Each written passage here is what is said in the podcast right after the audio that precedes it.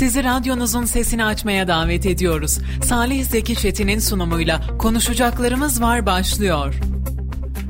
Efendim konuşacaklarımız var programından herkese mutlu günler, mutlu akşamlar diliyorum ben Salih Zeki Çetin ve yeniden radyolarınızda olmanın da mutluluğunu yaşıyoruz. Bugün konuşacaklarımız var. Programının değerli bir konuğu var. Milliyetçi Hareket Partisi Melik Gazi İlçe Başkanı Enes Ertuğrul Kalın'la birlikte bugün saat 19'a kadar radyolarınızda olacağız ve Kayseri'deki siyaseti Cumhur İttifakı'nı Enes Başkan'ın siyasete girişini ve Milliyetçi Hareket Partisi'nin Melik Gazi'deki çalışmalarını konuşacağız, değerlendireceğiz. Şimdiden keyifli dinlemeler inşallah güzel bir yayın olur. Başkanım hoş geldiniz. Hoş bulduk Salih Bey. Nasılsınız? Sağ olun teşekkür ederim sizler de iyisiniz. Teşekkür ediyoruz bizlerdeyiz. Ee, davetimizi kırmadınız buraya kadar geldiğiniz için teşekkür etmek istiyorum. İnşallah güzel ve keyifli bir yayında bizlerle olur. İnşallah.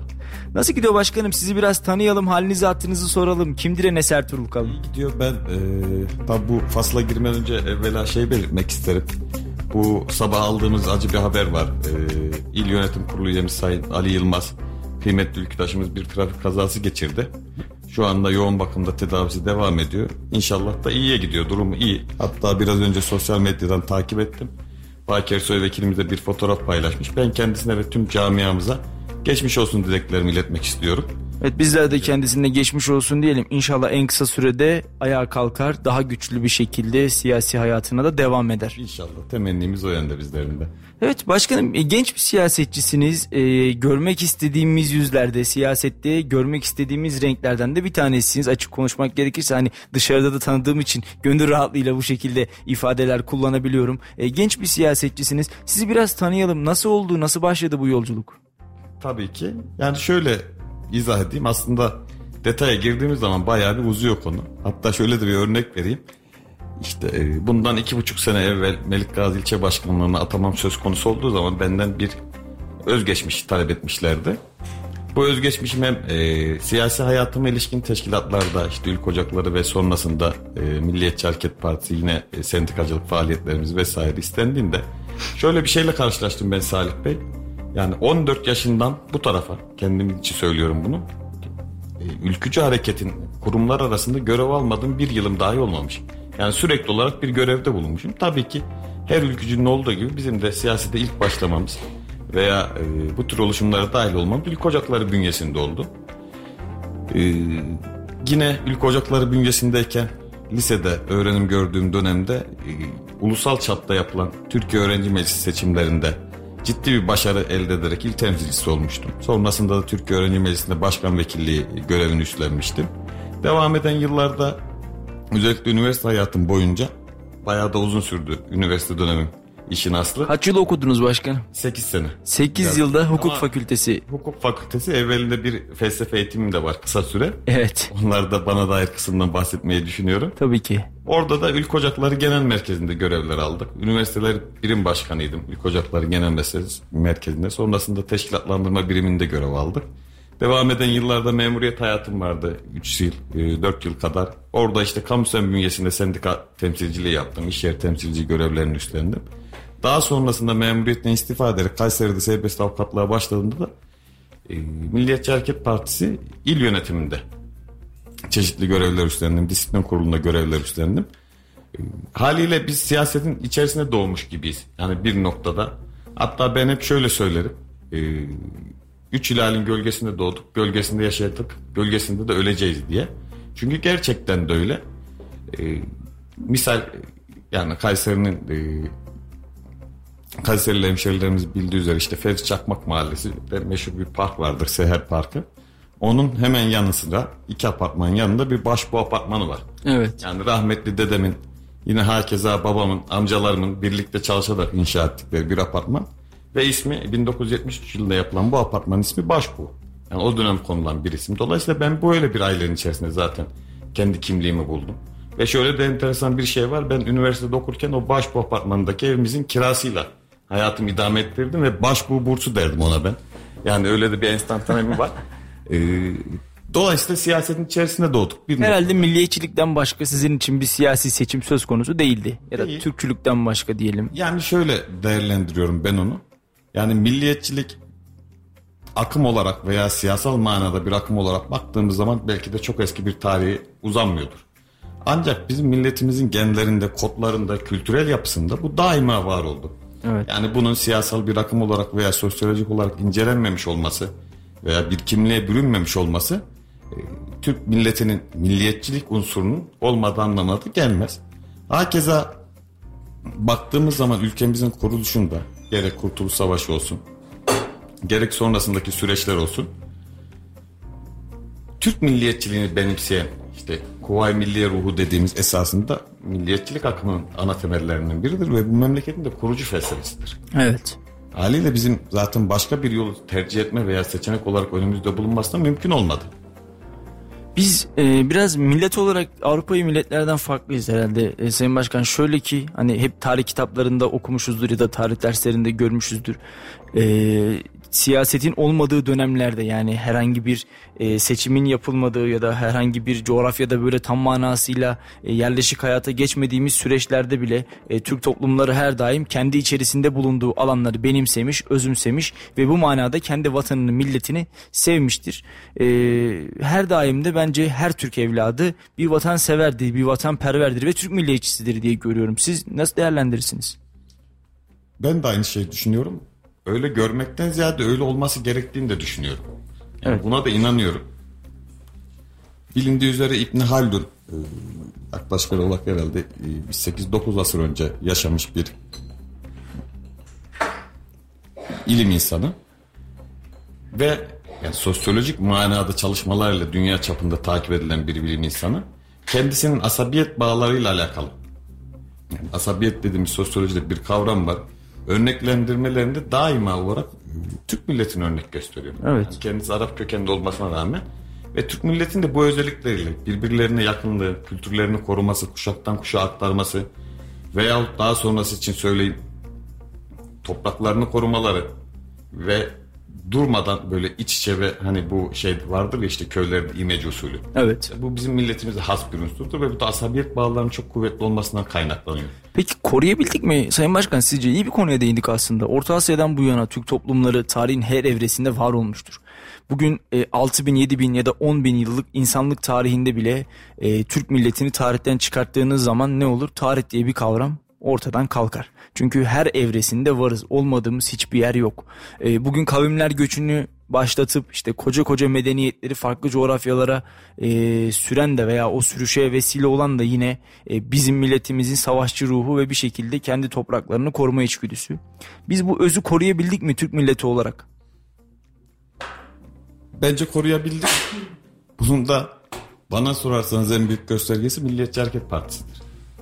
Yani Türkiye Cumhuriyeti'nde kurulmuş yani geçmişten günümüze kadar her bir siyasi partinin öyle ya da böyle bir ideolojik temeli veya yaslanmış olduğu belli bir kültürel yapı vardır, bir damar vardır ve buna göre hareket eder.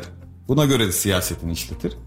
Bu noktada biraz önce bahsettiğiniz ve milletimize ait olan ve milletimizi bir noktada önemli kılan o özellikler gerçekten de kuvvetli ve e, kutsal özelliklerden bahsediyorum. Bu özellikler de kendi siyasetine bir noktada maya olarak alan parti Milliyetçi Hareket Partisi. Evet. Bunu görüyoruz.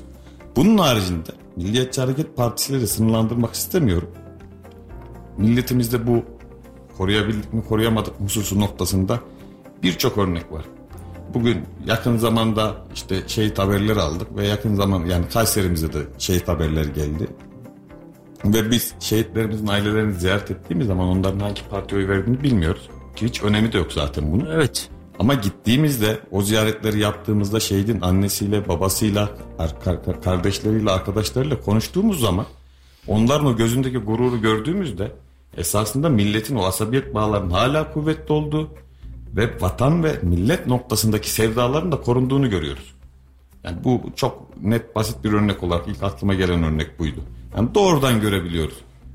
Bunu ha şu 2-2 daha 4 binlerce yıllık bir serüvenden bahsediyoruz ve bu serüven devam ettiği müddetçe de her milletin sosyolojik yapısı veya kültürel kodlarında bazı değişiklikler oluyor.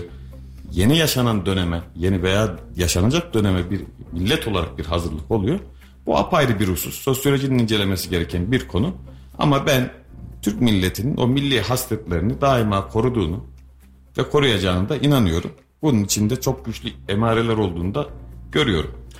Peki başkanım şimdi son zamanlarda ciddi bir tartışma var aslında böyle Z kuşağı, Y kuşağı, Elif kuşağı, Vav kuşağı, Teknofest gençliği falan. Ee, biz gençliği de sınıflandırmaya başladık. Evet. Peki Türk gençliğini nasıl görüyorsunuz? Hem bir e, felsefe de bir geçmişiniz var, sosyolojide de anladığım kadarıyla bir altyapınız da var. Hem bir siyasetçi olarak hem bir hukukçu olarak.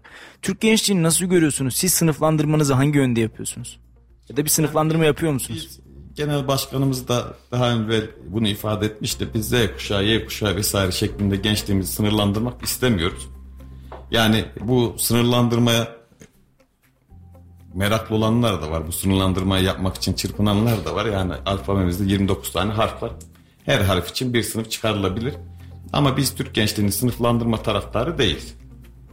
Gelirken teknoloji, özellikle gelişen teknolojinin etkisiyle beraber e, yeni nesilde eskiye nazaran bir kuşak öncesine nazaran veya iki nesil öncesine nazaran baktığımız zaman çok daha farklı yaklaşımlar, çok daha farklı anlayışlar olduğunu da görüyoruz. Yani bunu da tespit edebiliyoruz. Kendi akrabalarımız var veya sosyal çevremizden tanıdığımız o yaş aralığındaki insanlar var. Bunların da şöyle değerlendirmek gerektiğini düşünüyorum ben. İşte o biraz önce de bahsettiğiniz üzere milli hasretlerini barındırdıklarını, koruduklarını düşünüyorum ve bunların korunması ve bunların bir noktada daha fazla yüceltilmesi noktasında da destek verilmesi gerektiğine inanıyorum.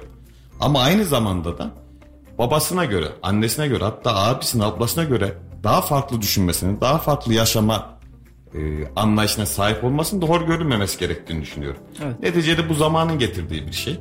İşte bugün hemen hemen herkesin elinde internete bağlanan telefonlar var. Ve bu telefonlar sosyal medya özellikleri, sosyal medya programları, uygulamalar nazarında söylüyor. Dünyanın her yerinde sınırlar kaldırdı.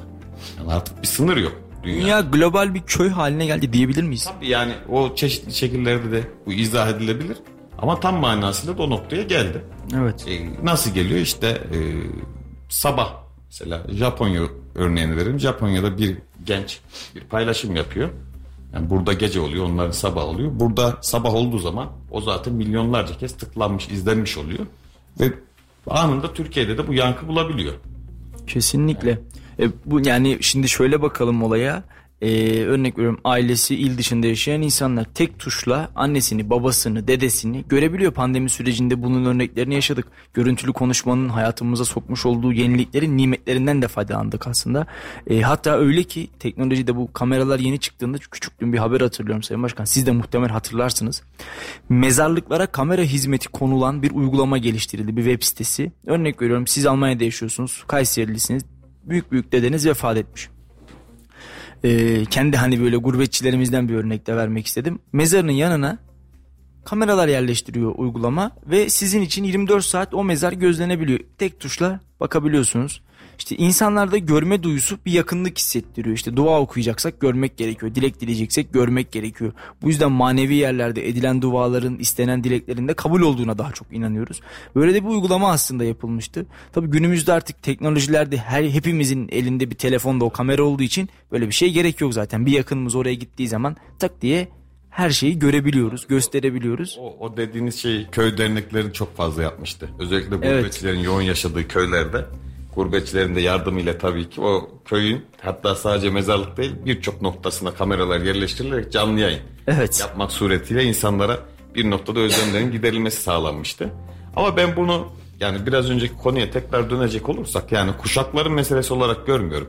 Bu bahsetmiş olduğumuz temel değişimin en temel sebebi teknoloji ve internet çağı. Evet. Ama bunun bunun getirdiği değişiklikleri işte Z kuşağı diye sınıflandırılan o kuşağı gençlerimize sebep göstererek onların üzerine yıkmak veya onlarla e, beraber anmak çok doğru değil. Teknoloji dediğimiz, internet dediğimiz yani bu sınırsız erişim noktası bundan iki nesil öncesini yani 50-60 yaşındaki kuşakları da etkiliyor şu an hala. Kesinlikle. Yani genel bir başkalaşım, genel bir dönüşüm varken bunu işte bu gençler yapıyor demek bana çok doğru gelmiyor. Yani görüyoruz e, Facebook kullanan 50-60, 40-50 yaş aralığındaki büyüklerimizi baktığınız zaman normal hayatlarında veya bu zamana kadar tanıdığımız halleriyle yani birebir temas halindeki hallerinden bahsediyorum. E, tercih etmeyeceği şeyleri de sosyal medyada tercih edebiliyorlar. Oraya uyum sağlamasın. Evet. Yani genel bir dönüşüm var ama bunu işte Z kuşağı diye yaftalamak çok doğru değil bence.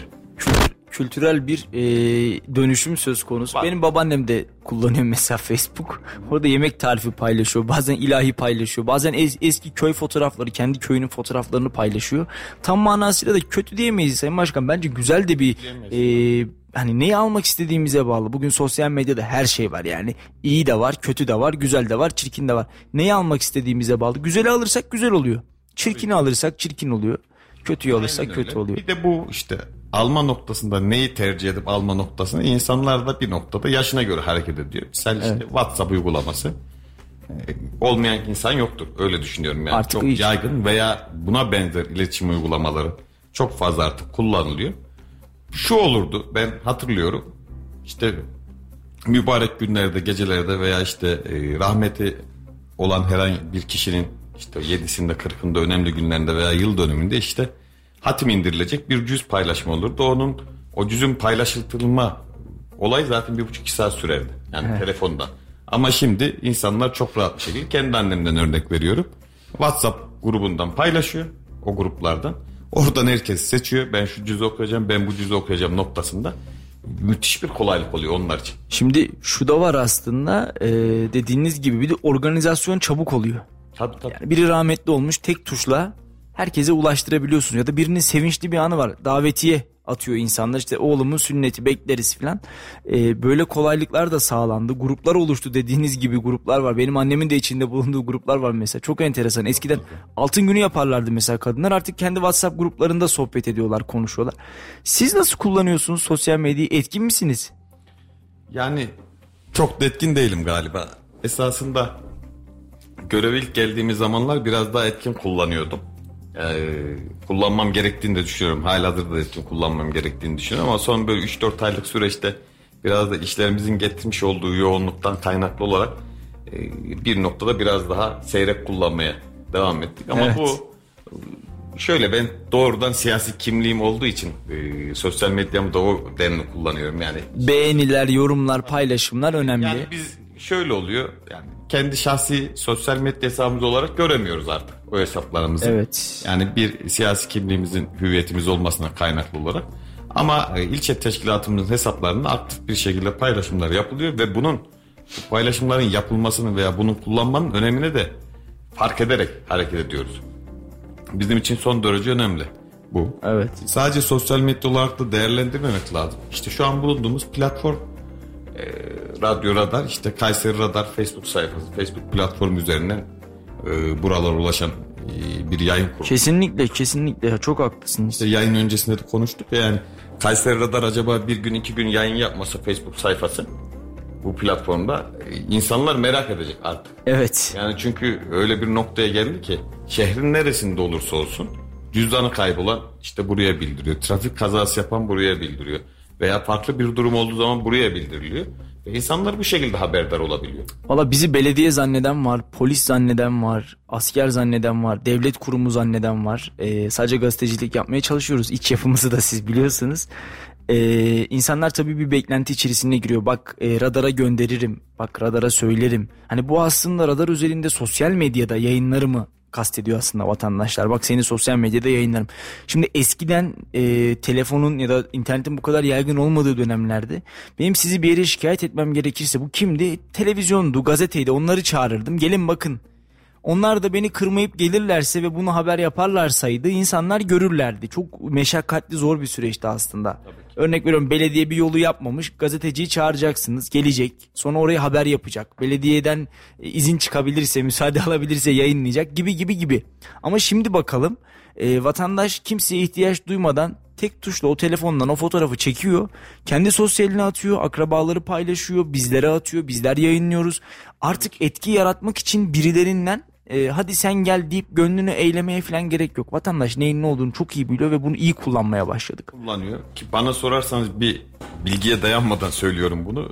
Bence Kayseri'deki özellikle belediyeler olmak üzere birçok kurum da bu tür paylaşımları takip ediyor. Evet belediyelerin ayrı birimleri oluştu. Bakın bu ekstra bir dal oldu. Tabii tabii. E, bu aslında sizin için de biraz sonra değineceğiz mutlaka. Hukukçular için de böyle. E, şimdi bundan 20 yıl evvel sosyal medya, internet bunlarla ilgili bir yasalaşma sürecimiz yoktu herhalde ya da bunların hayatımıza girmeden evvel işte örnek veriyorum 60 yıl önce yazılmış bir hukuk kitabında Facebook'ta paylaşılan bir gönderinin altındaki hakaretin karşılığı nedir diye bir madde yoktur herhalde. Tabii. Bu yeni hayatımıza giren bir süreç oldu. Sosyal medya tüm meslekleri etkiledi. E, belediyeler de tabii ki bu etkiden nasiplerini aldılar. Şimdi bu sosyal medya hesapları için birer birim oluşturuldu. E, dünden bir örnek vereceğim. Onu ilerleyen dakikalarda vereceğim. Ee, bir mahkeme hukuksal bir örnek vereceğim ki bu da aslında sosyal medyanın hayatımızda ne kadar etkili olduğunu ama aslında e, ne kadar da tehlikeli olduğunu bizlere anlatacak. Tabi bunların da cevaplarını yine sizlerden isteyeceğiz. Hem bir siyasetçi hem bir hukukçu kimliğinizde. Peki gençlik dedik. E, gençliğin Milliyetçi Hareket Partisi'ne ve ülke ocaklarına bakışı nasıl sizce? Onu şöyle değerlendirmek lazım. Biraz önce ilk siyasete nasıl girdiğimi sorduğunuzda ben dedim ki 14 yaşında ilk ocaklarında. Ülkücü hareketin içerisinde artık görev olarak varlığımı devam etti, varlığımı başlattım diye girip bir cümle kurmuştum. Dolayısıyla gençliğin yani ben hem kendi zamanımdan hem de şimdiki genç e, arkadaşlarımızdan bahsetmek gerekirse ülke ocaklarına yani Milliyetçi Hareket Partisi'nden ziyade yaşı gereği ülke ocaklarına daima bir hayranlıkla ve oraya ait olduğunu hissedecek çeşitli argümanları kendinde gördükten sonra kendisi de isteyerek katıldığını düşünüyorum. Hakeza işte bundan herhalde 3 ya da 4 seçim öncesiydi. İlk oyun MHP'ye e, isimli bir kampanya yürütmüştük o seçimlerde biz. Onu da bizzat yani sahada tespit etmiştim ki gerçekten de ilk defa oy kullanacak gençlerimizin tercihen diğer siyasi partiler açısından baktığımız zaman öncelik verdiği parti daima Milliyetçi Hareket Partisi oluyordu. Hatta bu bazı sosyolojik çalışmaları da konu oldu. Anket şirketlerine de konu oldu. Anket şirketlerinin çalışmalarına da konu oldu. Ama ben Türk gençliğinin dışarıda ne konuşulursa diğer siyasi partiler işte her bir siyasi partinin gençlik üzerine şöyle etkimiz var böyle etkimiz var şeklinde çalışmalar oluyor ama şu ülkemizde artık bir gerçek ve yatsınamaz bir gerçek ve bu 50 yıllık bir gerçek onu da söyleyeyim. Her Türk gencinin gönlünden geçen yani kendisini yakın hissettiği, kendisine ait bulduğu hem ideolojik olarak hem düşünsel olarak hem de siyaseten yakın bulduğu yer hep ülke ocakları ve Milliyetçi Hareket Partisi olmuştur. Hamdolsun bundan da şu an itibariyle de geri bir durum söz konusu değildir. Evet. Aslında e, ülke ocakları özelinde tabii ki sizlerin de vakıf olduğu az önce konuyu açtığınız için de rahatlıkla söyleyebileceğim e, sosyal medya noktasında özellikle e, şu an mevcut ülke ocakları genel başkanı Sayın Ahmet Yiğit Yıldırım göreve geldikten sonra sosyal medyadaki kullanım tarzı, bilgi yarışmaları, e, kitaplaştırma, faaliyetler işte e, çocukların okuması alışkanlıklarının gelişmesi hususunda da yeni bir dönem başladı diyebilir miyiz? E, Bilgi Ocak'ta diye bir uygulama başladı. Bilgi yarışması yapıldı gençler arasında. Yine e, Türk tarihi açısından önemli sayılabilecek kitaplar işte Ulu Önder Mustafa Kemal'in yazdığı Nutuk, Kutatku Bilik, Divan Hikmet gibi bizlerin e, hayatında önemli yer eden kitaplar kitaplaştırıldı ve gençliğe de dağıtılmaya başlandı aslında. E, bu da bu da önemli bir husus olarak görüyorum ben.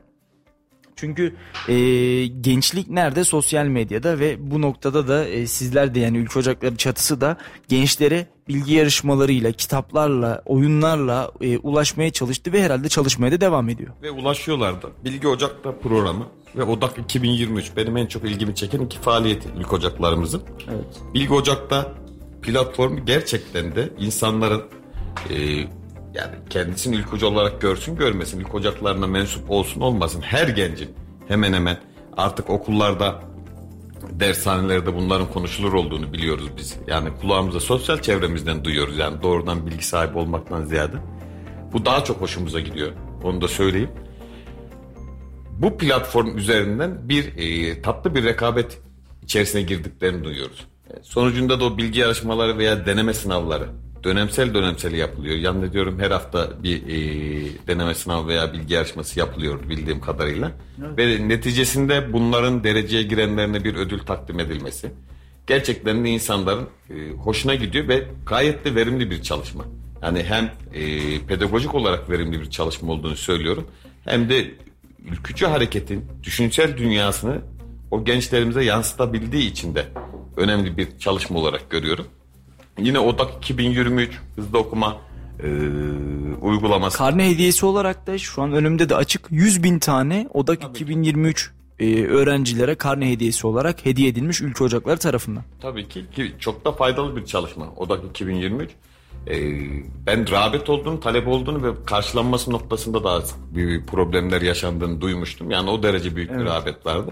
Bunlar güzel çalışmalar. İşte esasında dediğimiz nokta en başta konuştuğumuz o Z kuşağı vesaire noktasına da geldiğimizde buraya geliyoruz. Yani bu internet çağının getirmiş olduğu yenilikleri artık her kurum, her platform, her düşünce yapısı, her bir birey kendi hayatına ve çalışma stiline e, uygulamakla mükellef oluyor.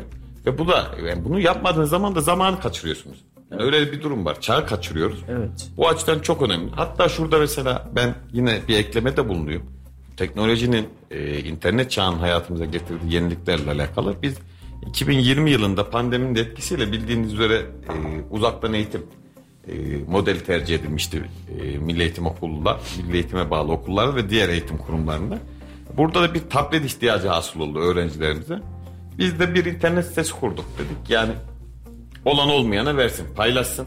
Hem gerekirse hiç kullanılmamış sıfır diye tabir edilen evet. tablet ya da ikinci el tablet olarak ne bulunursa ihtiyacı olmayan ihtiyacı olan kişiye versin ki o da eğitim hayatından geri kalmasın. Yani e, zamanı kaçırmasın diye. Bununla alakalı bir platform geliştirdik. Bir internet sitesi kurduk. Talepleri de bağışları doğrudan topladık. Ve bağış yapan kişilere de bir e, etiket vererek sosyal medyada paylaşarak hani e, şey olur ya akım ele dolaşarak akım olursun işte. Günümüz diliyle challenge. Z- zincir diyeyim ben ona. Zincir Evet. Ki böyle yani paylaştıkça insanlar daha fazla yardım noktasına birbirine. Verimli oldu mu Sayın Başkanım? Tablet çalışmanız Kayseri'de ciddi manada ses getirmişti. Oldu. Hem e, milletvekillerinden hem siyasilerden hem parti içinden hem de parti dışındaki hayırseverlerden bir destek söz konusu kamuoyu oluşturabilmiştiniz ben hatırlıyorum. E, siz tatmin oldunuz mu o dönemdeki yardımlardan? Tatmin oldum. Öncelikle onu gönül rahatlığıyla söyleyebilirim. Sadece Kayseri özelinde de değil. Biz o pro kampanyayı başlattığımızda yani benim kendi arkadaş çevremden veya partimizdeki yöneticilerimizin, ülküdaşlarımızın kendi çevrelerinden dışarıdan bahsediyorum. Yani bana e, Ankara'dan bir öğretmen arkadaşım dedi ki ben tablet almak istiyorum. Çok güzel bir uygulama, çok güzel bir platform. Ben de destek olmak istiyorum dedi. Yönlendirdik ilgici firmaya. Yine Düzce'den bir öğretmen arkadaşım aynı şekilde yardımcı oldu ve ben çok şaşırmıştım. Yani uzun zamandır görüşmediğim arkadaşlarım bu şekilde yardımcı olmuştu. Evet. O var. Çok ciddi bir talep oldu tab e, tablet ihtiyacı noktasında yaklaşık e, biz yine herhalde sizin e, Facebook platformunuzda Kayseri Adanın Facebook platformunda paylaşıldıktan sonra e, bu kampanyanın böyle bir kampanya olduğu yanlış hatırlamıyorsam o gün bize 2000 başvuru girildi internet sitemize. Maşallah. 2000 başvuru çok ciddi bir rakamdı. Maşallah. Devamında biz elimizdeki tablet sayısıyla orantılı olarak çok da fazla uzatmadan başvuruları kapattık. Yalnızca bağış toplamaya devam ettik sonrasında. Çünkü gerçekten evet. karşılamakta güçlük çekecektik. Tabletiniz senal.com muydu? Evet. Ta- tabletimiz senal. Tabletimiz senal.com. Bakın e, şeye kadar hatırlıyorum. İnternet sitesine kadar hatırlıyorum. E, slogan e, güzel olduktan sonra akılda kalabiliyor. Kesinlikle. Güzel bir çalışmaydı gerçekten. Biz o zaman 350 aileye e, tablet yardımında bulunduk. Bu şu açıdan önemli. 350 sayısı belki e, Kayseri ölçeğinde, Melik Gazi ölçeğinde insanlar tatmin edemeyebilir. Ama şöyle de bir zorluğumuz oldu. Tablet bulamadık. Piyasada olsa alacağız ama tablet yok. O dönem çok yoğun bir şekilde yani biz aldığımız tüm tabletleri burada bir firmayla anlaştık. E, dolar üzerinden bir anlaşma. Sayın Başkan tableti kenara koyalım. Kolonya bulamadık memlekette. Tabii, Bakın yani hani pandeminin ortasında gerçekten çok zor. Şimdi ben bakıyorum. Dün arkadaşlarla da biraz konuştuk. İşte insanları öğrenci yurtlarına tıktık. Sonra bu insanlar öğrenci yurtlarından kaçtı. Hatırlıyorsunuz değil mi? Tabii tabii. Çok affedersiniz birbirlerinin yüzüne tükürdüler. Koronavirüs bulaşsın diye siz bizi buraya tıkar, tıkarsanız tükürürüz dediler. Birbirlerinin yüzlerine tükürdüler. Çok bir abimiz vardı işte Sayın Bakan Soylu açıklama yaptı. Sokağa çıkma kısıtlaması olacak dedi. Elinde lupo ile poz verdi. Hatırlıyorsunuz. Tabii, tabii, tabii. Ondan sonra ekmek bulamadık. E, un bulamadık yağmalandı. Marketler yağmalandı. Vatandaşlar uzun kuyruklar oluşturdu. Tablet bulamadık sizin söylediğiniz gibi. Yine onun dışında e, birçok temizlik maddesine ulaşamadık. Ben o dönem üniversitede öğrenciydim. Ev arkadaşım e, dışarıdan aldığımız makarnayı bile çamaşır suyuyla yıkıyordu dış kabını. Bu ülke böyle günlerden geçti. Şimdi düşünürken çok uzak gibi geliyor Ama bir o kadar yakın. 2 sene önceydi, 3 sene önceydi. Sizler de çok net hatırlıyorsunuz. Hatta kimi ülkelere hala daha çok yakın. Japonya'da maske kullanımı Devam hala ediyor. zorunlu. Ee, %45 oranında vaka sayısı arttı. Ee, geçtiğimiz iki gün önce Sayın Bakan açıkladı. Türkiye'de de bir artış söz konusu.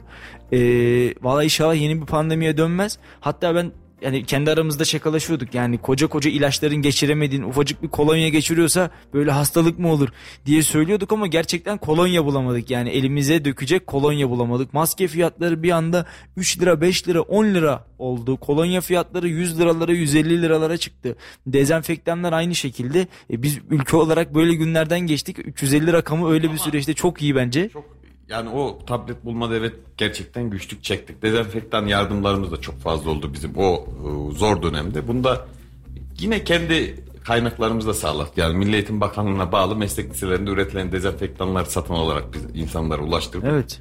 Bunlar giderildi. Evet sıkıntısını da çektik. Ciddi sıkıntılar çektik. Yani maske kullanımı özelinde söylüyorum. Ki hatta hükümet o dönem memurlara ve e, diğer e, ailelere posta yoluyla maske gönderdi. Evet ben hatırlıyorum. Öyle Hatta bir sıkıntılı dönemdi o. Talas'ta bir gazimiz vardı. Evinde maske dikti. Dikiş makinesi varmış kendisinde. Ee, yine kumaşları satın alarak evinde maske dikip hayrına maske dağıtmıştı o süreçte. Bünyan İlçe Teşkilatımız Milliyetçi Hareket Partisi'nin uzunca bir süre adeta bir atölye gibi. Ben onu onu söyleyecektim. Evet Te- Tevfik Başkan buradan dinliyorsa da selam olsun kulakları çınlasın. Ben paylaştığı fotoğrafları hatırlıyorum. Teşkilat içerisini e, ilçe teşkilat içerisini bir atölyeye çevirip orada saatlerce maske dikildiğini ben hatırlıyorum.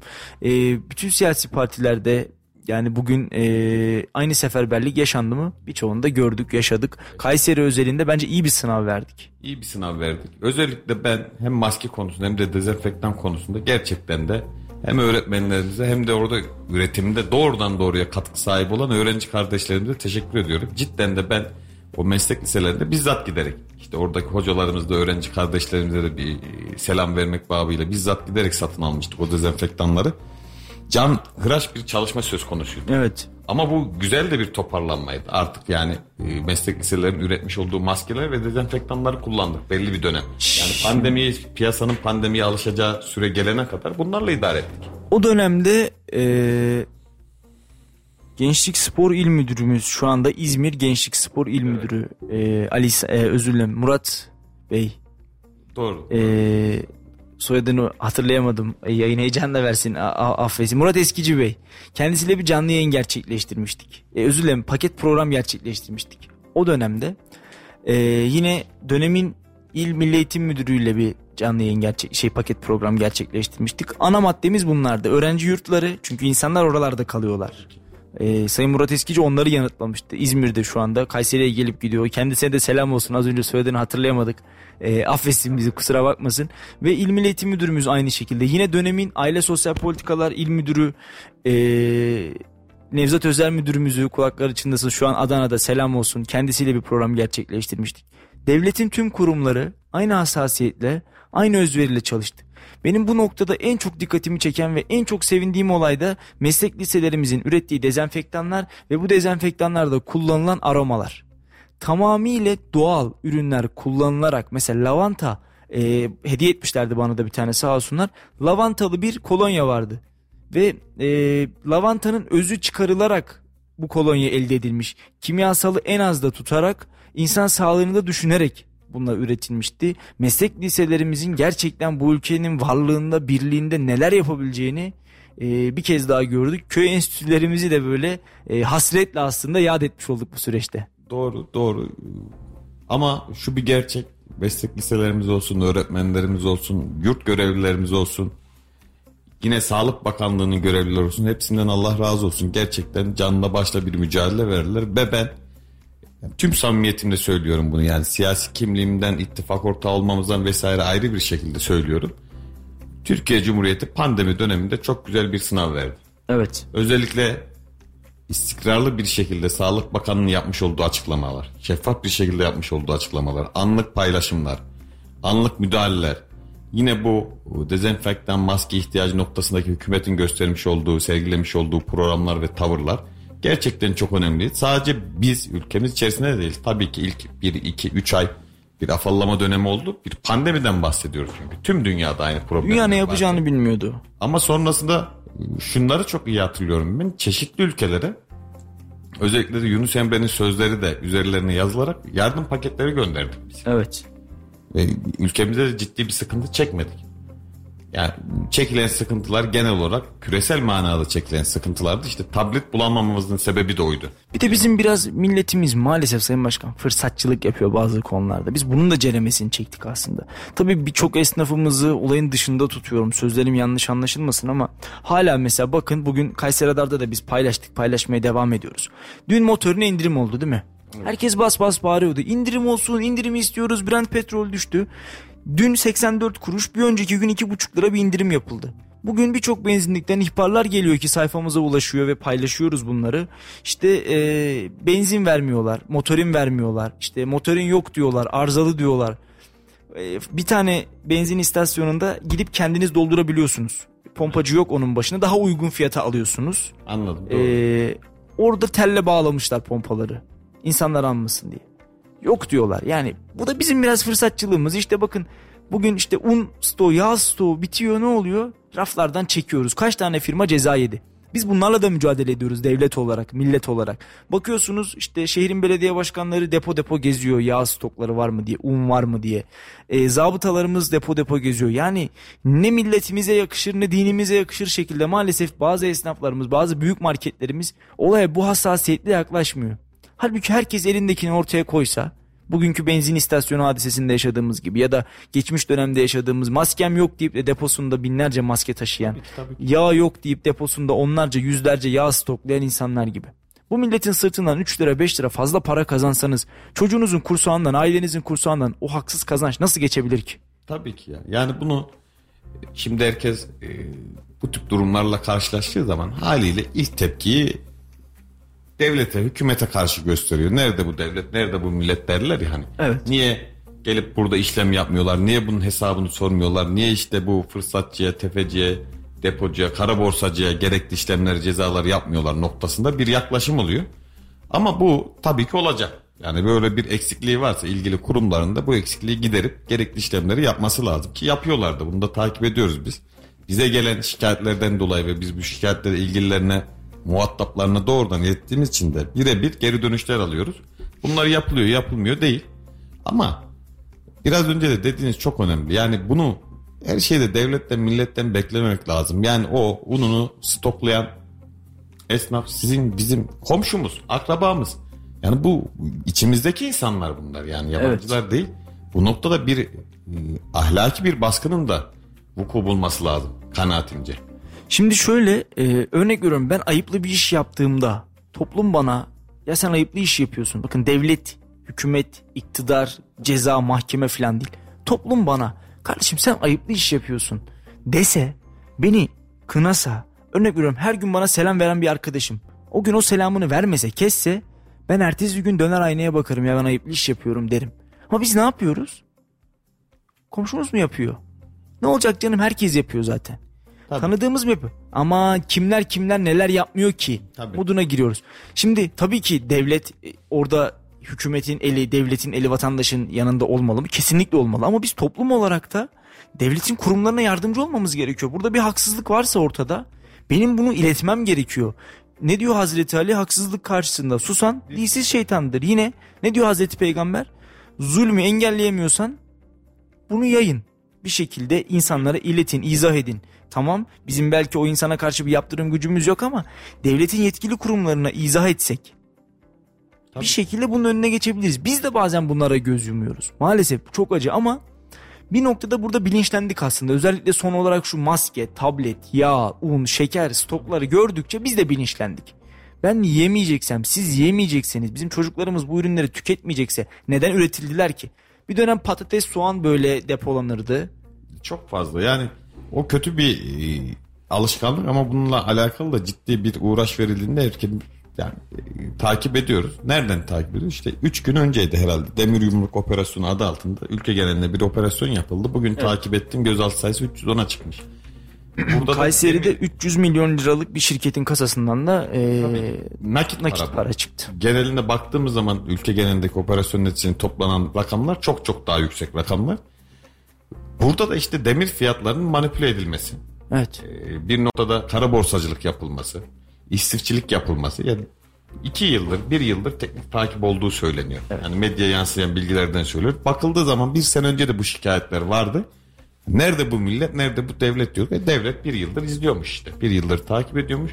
Ve günün sonunda 310 kişi e, gözaltına almak suretiyle ve milyon TL'leri bulan, 100 milyon TL'leri, yüzlerce milyonu bulan rakamlara el konuluyor. Yani bunların el konulan şeylerin içerisinde yatlar var, katlar var, uçaklar var vesaire. Telefonlar var. E, telefonlar var. Telefon altınlar. dip geçmeyelim. Altın kaplama bir altın telefon kaplama. gördüm. Siz gördünüz mü Sayın Başkan? Onu, onu ben de sabah e, denk geldim. Hemen altında e, Mescid-i Aksa'nın kabartması vardı. Değil mi? Yani işte o da zaten ilginç değil mi? Şaşırtıcı durum evet. burası. Ama nitekim bu yapıldı. 25 milyar TL'lik bir zarardan bahsediliyor. 25 milyar TL devleti zarar uğratmışlar. Evet. Bu zarara uğrattıkları bu dönem içerisinde devlet hiçbir şey yapmamış. Evet. Ama takip etmiş. Bir sene boyunca, bir sene boyunca teknik takiple tüm ağ deşifre olmuş ülke genelindeki. E bugün baktığımız zaman inşaat e, sektörüne müteahhitlerin en büyük sıkıntısı ya geçen Demir. sene 4 bin liraydı bu demirin tonu. Şimdi 17 bin lira oldu. Yani ülkenin ülkeye giriş fiyatlarına bakıyoruz veya ülkemizdeki demir çelik fabrikaların üretimlerine bakıyoruz tonaj bacında. Böyle çok ciddi bir sıkıntı yaşanacak veya bu kadar fahiş fiyat artışı olmasını gerektirecek bir husus da yok. Ama bu oldu maalesef. Birileri manipüle ediyor. Edilmiş ki 310'u birden şu an gözaltında. İşte çok ciddi rakamlardan bahsediliyor. Ee, yani ben şuna inanıyorum ki Türk devleti en büyük. Yani bugün iktidar yarın gider X bir parti gelir, Y partisi gelir hiç önemli değil. Devlet sonsuza dek bakidir ve inanıyorum ki e, her ne olursa olsun Türk devleti her daim e, kendisine yapılan haksızlığı ya da kendisinden çalınan malı bir şekilde temin edecektir, geri alacaktır. E, bu konuda biz müsterihiz. Açık söyleyeyim vatandaş olarak bizler müsterihiz. Dediğim gibi iktidarlar, insanlar, kişiler, koltuklar gelip geçicidir. Bugün siz e, Melik Gazi İlçe Başkanlığı makamında oturuyorsunuzdur ama sizden evvel Kayseri İl Teşkilatı'nda kaç tane Melik Gazi İlçe Başkanı gelmiştir ve geçmiştir. Orada baki kalan tek şey koltuktur. Devlet içinde ben böyle olduğunu düşünüyorum ve Türk devletinin de sonsuza dek baki kalacak olan bu yüce devletinde her daim kendisine karşı gelenlerin e, başını ezeceğini gönül rahatlığıyla ifade etmek istiyorum. Elbet hesabı soruluyor işte. Bunlar. Mutlaka. Şimdi e, biraz daha böyle Melik Gazi'ye doğru gidelim Sayın Başkan dilerseniz. Çalışmalar nasıl gidiyor? Sahada mıyız? Partide miyiz? Dışarıda Sahadayız. mıyız? Neredeyiz? Sahadayız. Ee, bu çok fazla yansıttığımız programlarımız oluyor. Bazen de hiç yansıtmadığımız yani sadece e, kısa bir bilgi notuyla geçtiğimiz faaliyetlerimiz de olabiliyor. Ama Milliyetçi Hareket Partisi Melik Gazi İlçe Başkanlığı üzerinde konuşacak olursak ben e, iki buçuk yıldır yürütmüş olduğumuz faaliyetlerde gerçekten Kayseri'de bir fark yarattığımızı düşünüyorum. Çünkü Salih Bey şöyle değerlendireyim ben 32 yaşındayım. Ama 14 yaşından bu tarafa 18 yıl olmuş. Görev almadığım hiçbir yıl, hiçbir dönemim olmamış dedi. Evet. Ee, sendikal faaliyetler de dahil buna.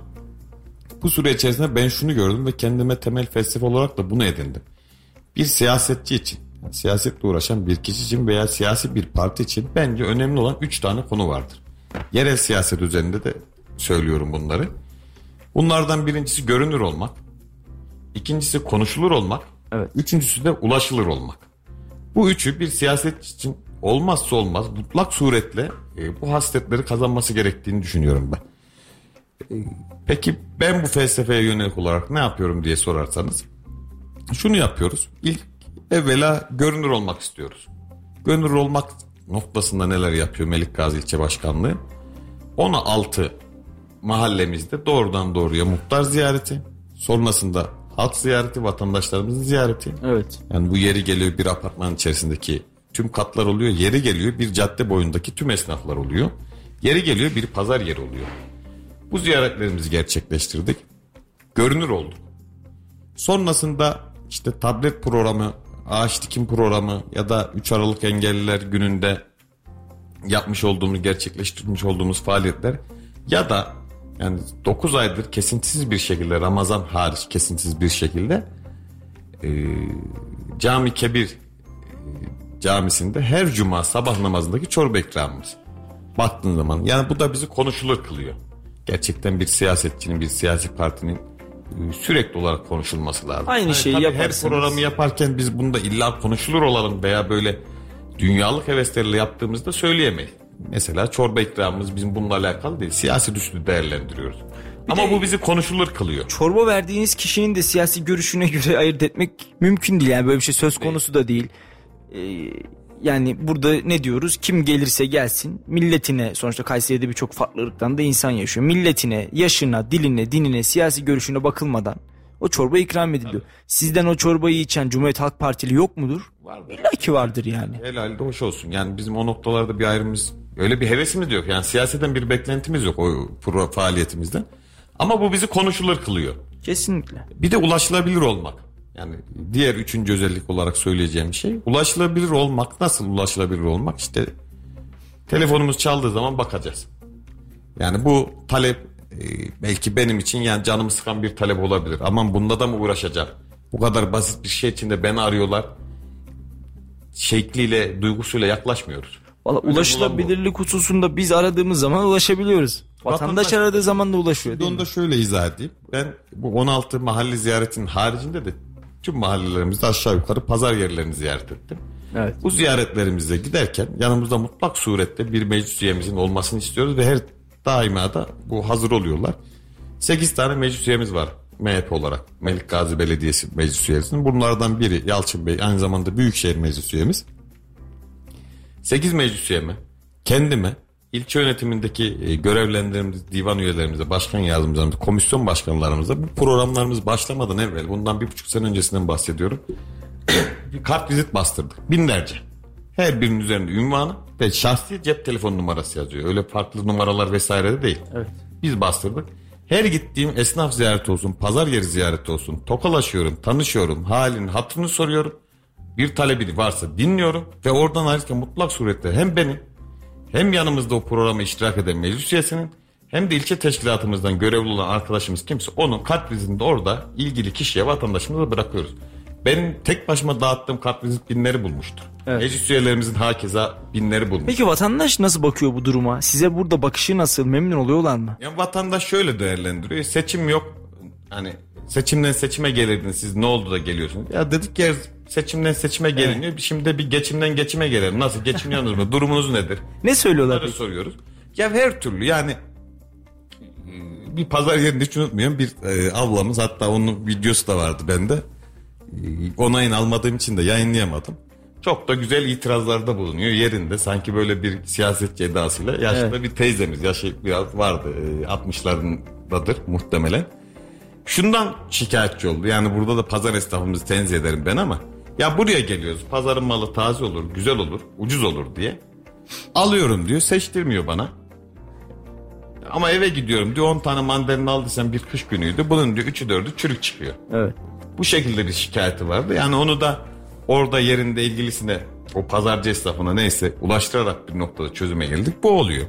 Ya esnaf ziyaretlerimizde ne oluyor? İşte ya buradaki yol şöyle problemli, otopark problemi var.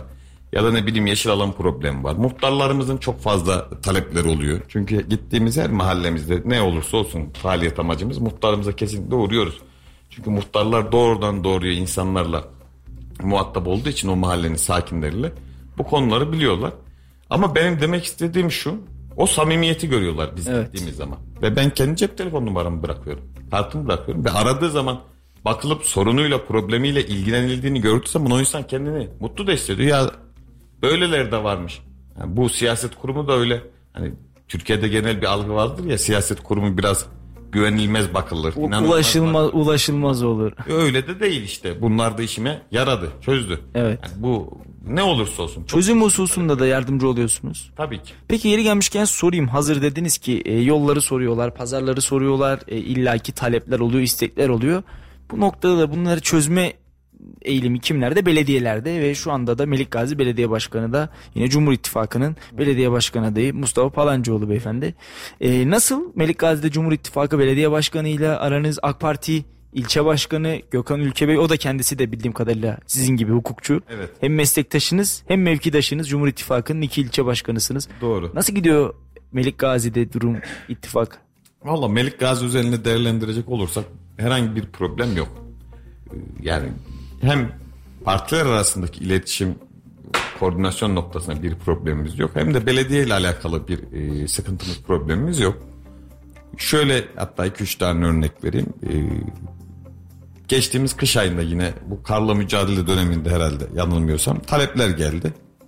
İşte vatandaş arıyor beni. E, almış, vermişiz numaramızı. Yani arayacak ya da meclis üyesini arıyor beni aramasa bile. Ev, evimin önü kar. Evimin önü kar, dükkanımın önü kar. Burada kaza oldu, burada park yok, burada yol yok, burada otopark yok. Bir sürü talep geliyor. Biz bu talepleri ilgilisine iletiyoruz. Bu bazen belediye başkanı oluyor, bazen belediye başkan yardımcısı oluyor, bazen de daire amir oluyor. Ve şöyle söyleyeyim Salih Bey, ben bu talebi iletiyorum. Ya o gün içerisinde, o gün olmazsa da ertesi gün taleple alakalı işin yerine ekipler gitmiş, video kaydı da almışlar. Sorun çözüldü. Sorun çözüldü. Gönderiyorlar. Bunlar önemli şeyler. Yine ben belediyenin e, pandemi öncesindeki faaliyetleri işte arabalı sinema pandemi dönemindeki e, faaliyetlerinden bahsedeyim. Arabalı sinema faaliyetleri veya o konser faaliyetleri, kültürel faaliyetleri de yine kültürel faaliyetler kapsamında Kayseri'nin tarihini, doğasını, kültürünü anlatan yayınları desteklemesi açısından da belediyenin e, faaliyetlerini beğeniyorum. Melik Gazi geniş bir coğrafya. Çok geniş bir coğrafya ama Melik Gazi Belediyesi'nin e, şöyle de bir durumu var. Şimdi Kayseri'de kentsel dönüşüm dediğimiz zaman aklımız hep sahabiye gelir. Evet. Bu sahabiye bu işin e, kompedan noktasında bir noktası. En büyük yerlerinden bir Baktığımız zaman en büyük kentsel dönüşüm projeleri de Melik Gazi sınırları içerisinde. kalıyor. Evet. Yani Zaten Melik Gazi- en büyük ilçe Kayseri'deki birçok şehirden büyük Melik Gazi. şehirden büyük, nüfus olarak, ölçüm olarak da büyük. Ve e, nasıl diyeyim bu kentsel dönüşüm projeleriyle de gerçekten bir noktada yani Memduh Başkan'dan bu tarafa başlayan projeler var. Ambar Mahallesi'ndeki kentsel dönüşüm projesi sonrasında devam eden projeler. Melik Gazi Belediyesi'nin bir de böyle bir tarafı var. Evet. Diğer belediyelerin yoğunluğu nedir kentsel dönüşüm noktasında bilmiyorum ama Melik Gazi Belediyesi'nin çok ciddi bir yoğunluk oluşturuyor. Ve kentsel dönüşüm faaliyetleri de gerçekten yıpratıcı, yorucu faaliyetler. Kesinlikle. Ama mutlak suretle de yapılması lazım. Bu aslında bir noktada da risktir yani belediyenin bu işe girecek çıkacak. E bir noktada müteahhitlik yapıyor. Bekleyecek, parasını bağlayacak, evini satacak, vatandaşa hizmet götürmeye çalışacak. Bir taraftan diğer işlerin aksamaması lazım. Bir taraftan Melik Gazi ki kültürü gerçekten, tarihi gerçekten çok eskilere dayanıyor. İşte eee, baktığımızda Koramaz Vadisi gibi Kayseri'nin UNESCO tarafından aday listesine girmiş bir yeri. E, Melik Gazi sınırları içerisinde. Yine baktığımızda Arnas. Arnas Mimar Sinan'ın e, memleketi Mimar Sinan'ın evi Melik Gazi sınırları içerisinde ki yeraltı şehirleriyle olsun, yerüstü yapılarıyla olsun yine Bürüngüz Mahallesi, Ulu Bürüngüz, Büyük Bürüngüz olarak bildiğimiz nokta Danış Ali Camii ki Danış Ali Fatih Sultan Mehmet'in amcasının oğludur. Onun içinde bulunduğu, türbesinin içinde bulunduğu cami Melik Gazi sınırlarında ki o caminin de şöyle bir özelliği var Sayın Başkan söylemeden geçmeyeyim. İçerisinde tam dört tane Zülfikar Kılıcı'nın e, tasviri var, kabartması var. Bunlardan bir tanesi yekpare olarak taştan yapılmış minberin üstünde ve dünyada minber üstündeki e, Zülfikar işlemeli tek cami olma ünvanına da sahip böyle de bir tarihi var. Caminin içerisinde e, askerlere hizmet veren bir mutfağı var, ocağı var, türbesi var. Yaptıran kişinin ve hanımefendinin türbesi var. Yine e, gerçekten Melik Gazi tarihiyle e, Kayseri'nin e, mihenk taşlarından bir tanesi. Nereye dokunsak oradan bir tarih çıkıyor. Yine e, hemen aşağı doğru indiğimizde ki Koca Sinan'la sınır noktası da diyebiliriz aslında. Kültepe Kanişkarum 6000 yıllık bir geçmiş de yine e, aynı bölgede bulunuyor. Her tarafından bir tarih. Turan'dan, Vekse'den, Bürüngüz'den, Ağrınas'tan, Subaşı'ndan nereye elimizi atsak bir tarih Melik Gazi'de canlanıyor. Bunu rahatlıkla ifade edelim. Şehir merkezindeki kısımlara hiç girmiyorum. Mahallesi. Onlar zaten evet Kayseri Mahallesi olsun yine bu bölümdeki Melik Gazi sınırları içerisinde bulunan bölüm olsun. Turistik açıdan bakarsak işte Hisarcık, Erciyes'te. Kesin. Baktığınız zaman bir kısmı Melik Gazi sınırları içerisinde kalıyor. Evet. Dolayısıyla çok geniş bir alan. Ama ben e, şunu isterdim. Daha fazla üstüne düşülmesini isterdim. Yani bu noktada da ya gidip doğrudan da böyle bir talepte bulunmadık. Şimdi Evet. siz bahsetmiş olduğunuzda aklıma geldi. Özellikle o Bürüngüz, Arnaz veya Koramaz Vadisi, Vekse Kayapınar'ın olduğu bölümlerde gerçekten de kültürümüze dokunan, tarihimize dokunan birçok şey var. O Gesi Güzelköy olması lazım. Orada görmüştüm ben bu güvercinlikleri. Evet Güzelköy'de. Güzelköy'de hatta muhtar e, muhtarı var. Çok tatlı bir muhtar. E, yine ben yayında ismi hatırlayamıyorum ama çok tatlı da bir muhtarı var. Doğru. Yine o bölgede mantar yetiştiriliyor. Organik doğal mantar. E, Nize çayırı Güzel köyün en güzel yerlerinden bir tanesi. Orada bir un değirmeni var. Mümtaz Bey. Mümtaz Bey evet Mümtaz Bey. Çok tatlı bir muhtarı var. Selam olsun Mümtaz Bey. Selam Benim olsun. programım var biliyorsun Sayın Başkan. Gezici Radar diye. Evet, Biz evet. Kayseri 60 bölümdür geziyoruz. Saydığınız tüm köyleri defalarca kez gezdim. Güzelköy, Bürüngüz, Ağırnaz, e, Koramaz, Turan, Vekse, e, Bağpınar, Ispıdın. Ondan sonra e, yine orada Subaşı, Akçakaya her yeri gezdim. E, bir de yeni bir programa başladık bir adımla başlar dedik. Bunu da Koramaz Vadisi'nden başlattık. Kimle beraber geziyoruz? Profesör Doktor Osman Özsoy, Doktor Bilgin Yazdık, mağaracı 45 yıllık mağaracı ki Türk tarihinde, dünya tarihinde mağaracılık dediğimiz zaman akla gelen ilk isimlerden. Ali Yamaç hocamızla ve tabii ki Kayseri'nin yaşayan tarihi Halit Erkiletlioğlu ile birlikte e, Koramaz Vadisi'ni adım adım geziyoruz. Geçen hafta Bürüngüz'deydik, bir önceki hafta Subaşı'ndaydık. Yine e, inanılmaz bir tarih ve anlatıyoruz. Hocalarımız anlatıyor. Burada bunlar var diye. E, ben de bu noktada Melik Gazi Belediyesi'nin yeri gelmişken söyleyeyim. Buradan çağrıda bulunmuş. Yapılmıyor demiyoruz. Ya, gerçekten yapılan çalışmalar var. Yapılıyor da kesinlikle yapılıyor. Koramaz özellikle yapılıyor. Yani yapılmaz diye bir şey yok ama biraz daha fazla. Özellikle yeni valimiz Gökmen Çiçek'le birlikte ki biraz sonra soracağım. Çok aktif bir vali. Turizmde çok aktif. Geldiğinden bu yana 50 milyon liralık bir bütçeyi turizme kazandırmış bir insan. 26 milyon lira Soğanlı Vadisi'ne, 6 milyon lira Kültepe'de yapılacak olan Asurulu Tüccarlar Sokağı'na, 20 milyon lira da Yahyalı'da yapılacak olan olan Kapuzbaşı Şelalesi'nin cam terasına ayrılmış ödenekler var. 50 milyon liralık bir bütçeyi son 2 ayda Sayın Valimiz belediyelerimize çıkarttırmış oldu. Turizmde ödenek bir şekilde Sayın Vali çıkartıyor. Turizmde Gökmen Çiçek Baharı dedik hatta. Doğru. Ee, Yok gerçekten çok ciddi çalışmaları olacağını artık düşünüyorduk da şimdi görüyoruz somutlaştır yani Vali Bey hızlı başladı. Çok da seri çalışmalarla devam ediyor ve bunları yaparken bir taraftan da bu hayırlı olsun ziyaretleri biliyorsunuz biraz uzun sürer bizim. Kayseri'de. Bitmiyor. Kayseri'de de Hiç bitmiyor. Evet yani derneklerimiz, STK'larımız, kurumlarımız, siyasi partilerimiz vesaire derken çok uzuyor bu süreç. Buna rağmen çok güzel ve ilmeli bir şekilde faaliyete başladı. İyi de olacağını düşünüyorum. Ben evet. ki Kayseri'de de tekrardan hayata yaşama kazandırılması gereken ve kazanılabilecek çok fazla yer var. Mesela sayarken biz unuttuk Tavlus'unda. Tavlus o kesinlikle Germir. Germir işte Germir'de e, neydi o? Bezirhane var. Bezirhane var. Yine orada kilise var. Bizim e, Kadın Kolları İl Başkanımız Serap Şule Hanım'ın e, dedesinin yanılmıyorsam e, işlettiği bezirhane. Evet, evet kendisinin dedesinin bezirhanesi. irtibata geçerek oranın restore edilmesini sağladı. Ama bu yaşıyor işte restore edildiği için. Evet. Bu çok önemli. Yani ben tavlusuna gittiğim zaman gerçekten tavlusunda nasıl diyeyim yani içerisinden ziyade o vadiye, tavlusun vadisine bakan evet. yamaçtaki e, konakları gördüğümde içim acıyor.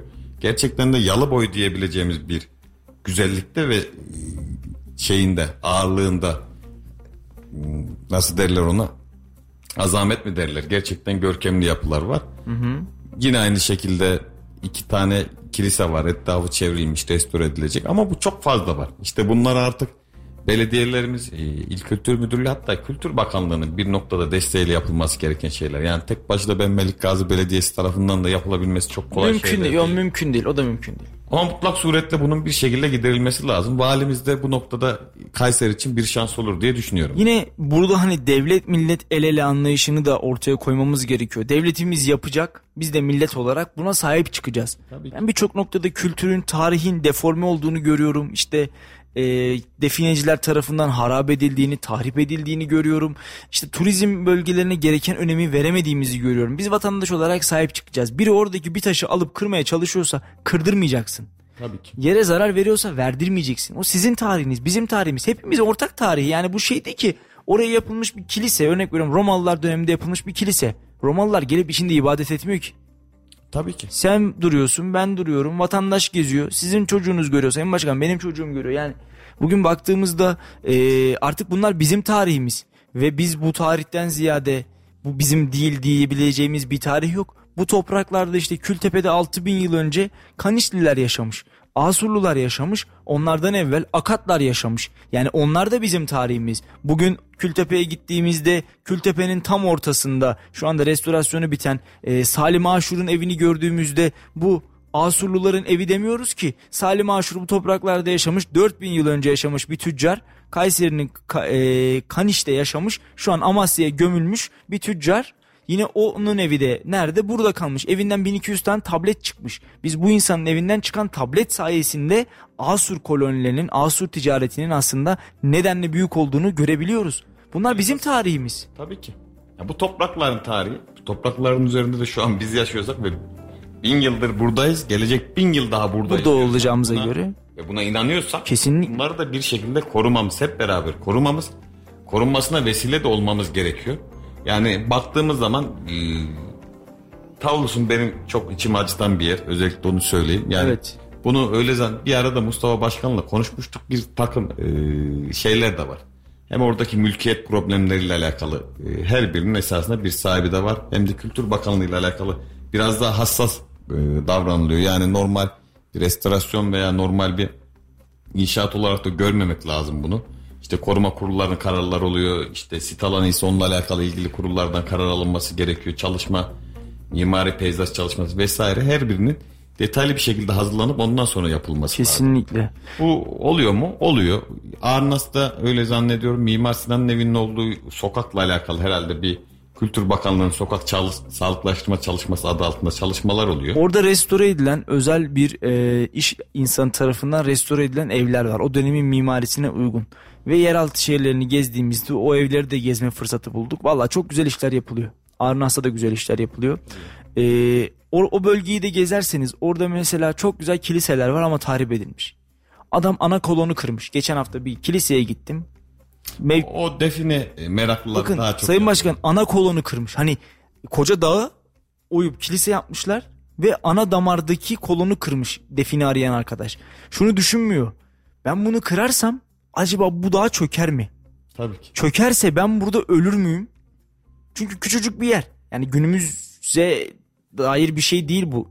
3000 yıllık, 4000 yıllık bir şey belki, 2000 yıllık bir şey belki ama ana kolonu kırıyor. Nasıl bir gözü dönmüşlükse artık kolonun içinde ne bulmayı umut ediyorsa. Tabii ki. Ha, bugünkü teknolojiyle kolonun içine belki betonun içine bir şey koyabiliriz ama o dönemde adam toprağa oyup içine kolonun içine bir altın koyup sonra tekrar nasıl kapatacak ki? Yani maalesef acı gerçeklerimiz bunlar da yaşanıyor. Ama e, öyle umut ediyorum. Valimizin bu noktadaki heyecanını, ilgisini de gördükten sonra söylüyorum.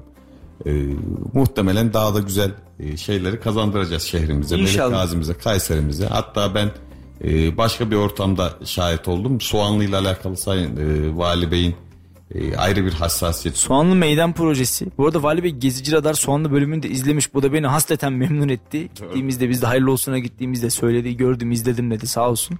Ee, Soğanlı Vadisi ile ilgili 26 milyon liralık bir bütçe çıktı.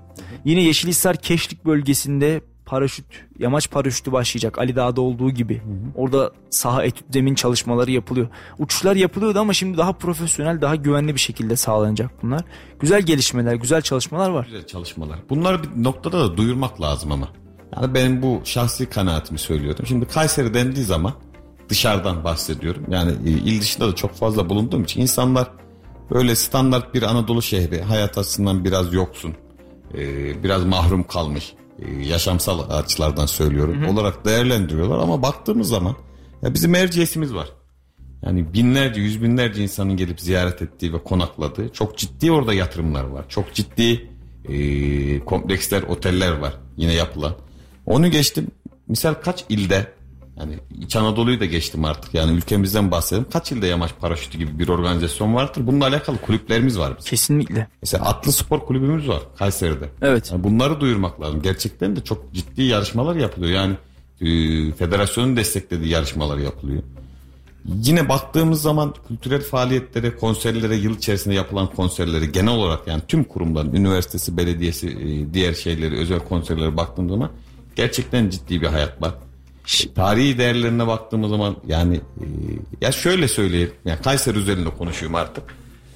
Ya Sultan Sazlı Develi'deki. Evet. ismi. Develi, Yahyalı, Yeşilhisar 3 ilçenin de ortak paydası, ortak sınırları. Ben de bugün oradaydım. Yayını oradan geldim. Sultan yani Sazlığındaydım. Şimdi oradaki yıl katlarının fotoğrafını görsek biz herhangi bir yerde işte sosyal medyada veya farklı bir platformda deriz ki ya ne kadar güzel bir yermiş. Yani evet. Burası işte. Yani gitmek lazım. Oradaki kuş türleri dünyanın hiçbir yerinde yok Sayın Başkan. Bakın e, şimdi bazen arkadaşlarım soruyor Kayseri'de nereye gidilir ki? Kayseri'de ne var ki? Ben anlatmaya bir başlıyorum. Dün hatta yayında Dilek'le konuştuk. İnce suda 30 saniyede 10 tane yer saydım. Ee, Şanlıurfa'da Halfeti diye bildiğimiz bir yer var. İncesu Küllü köyüyle çok benzer. Denizin yani e, gölün ortasından bir tarih çıkmış orada bir gözetleme kulesi var. Yine eski yerleşim yerleri, eski camiler, evler, e, patlıcanımız var ki Koca Sinan Yamula patlıcanı. Yine kabak çekirdeğimiz, ay çekirdeğimiz bunlar var. Kedi bacağı yine Koca Sinan özgü bir yiyecek. Bunun yanında e, ince suyun üzümü var, pekmezi var, üzüm suyu var. Yahyalımızın, develimizin elması var. Baktığımız zaman kirazı var, vişnesi var, çileği var e, gerçekten Kayseri'de yok yok. Yani 6000 yıllık bir tarihten bahsediyoruz ki Fikri Hoca ile son görüşmemizde yani Kültepe'deki son görüşmemizde şunu söyledi. Anadolu dedi burada ortaya çıkan yazıyla var olmuştur. Anadolu daha önce yazıyla tanışmadığı için tabletlerle tanışmadığı için tarih sahnesindeki varlığı çok be- belli belirsiz ama Kültepe ile birlikte Anadolu'daki bu yazının ortaya çıkmasıyla Anadolu tarihte var olmuştur ve bu tarih Kayseri'de ortaya konmuştur.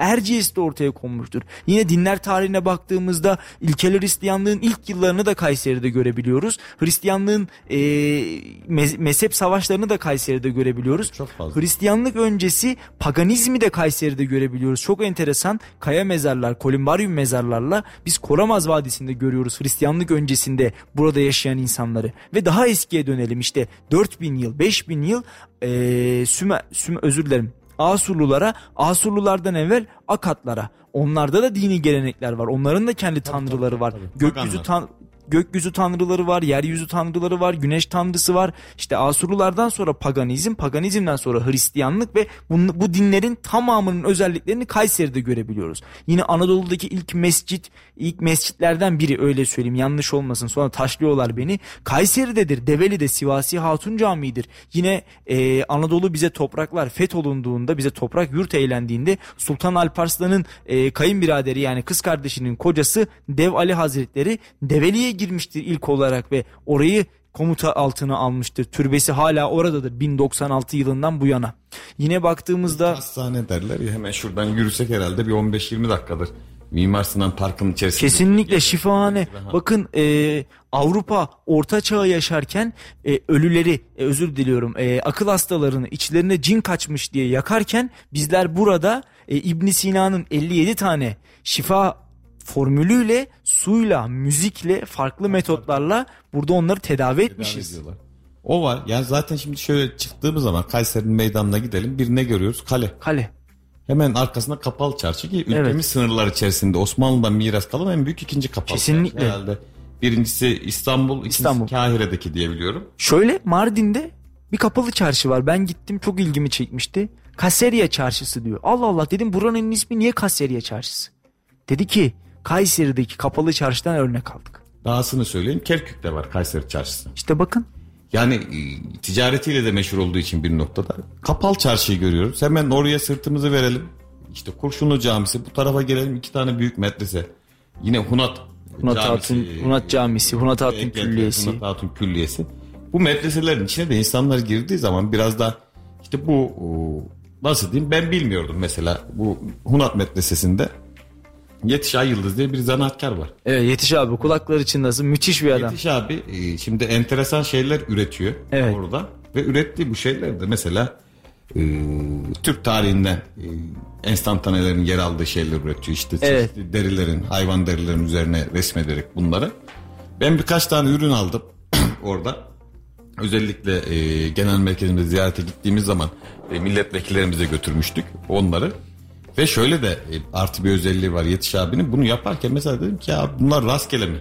Yani bunun bir manası var mıdır işte bu görsel ortaya evet. çıkarmışım bir çalışma? Hayır dedi. Yani ürettiği ürünü ortaya çıkardığı eseri diyelim artık ona. Ürün demek daha e, doğru değil bence.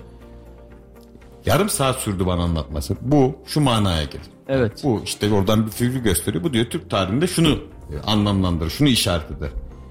Yani gerçekten büyük değer. Şimdi yıllar evvel Yetiş abi bana bir hediye verdi. Hediyeyi açtım. Bir tane kaplumbağa.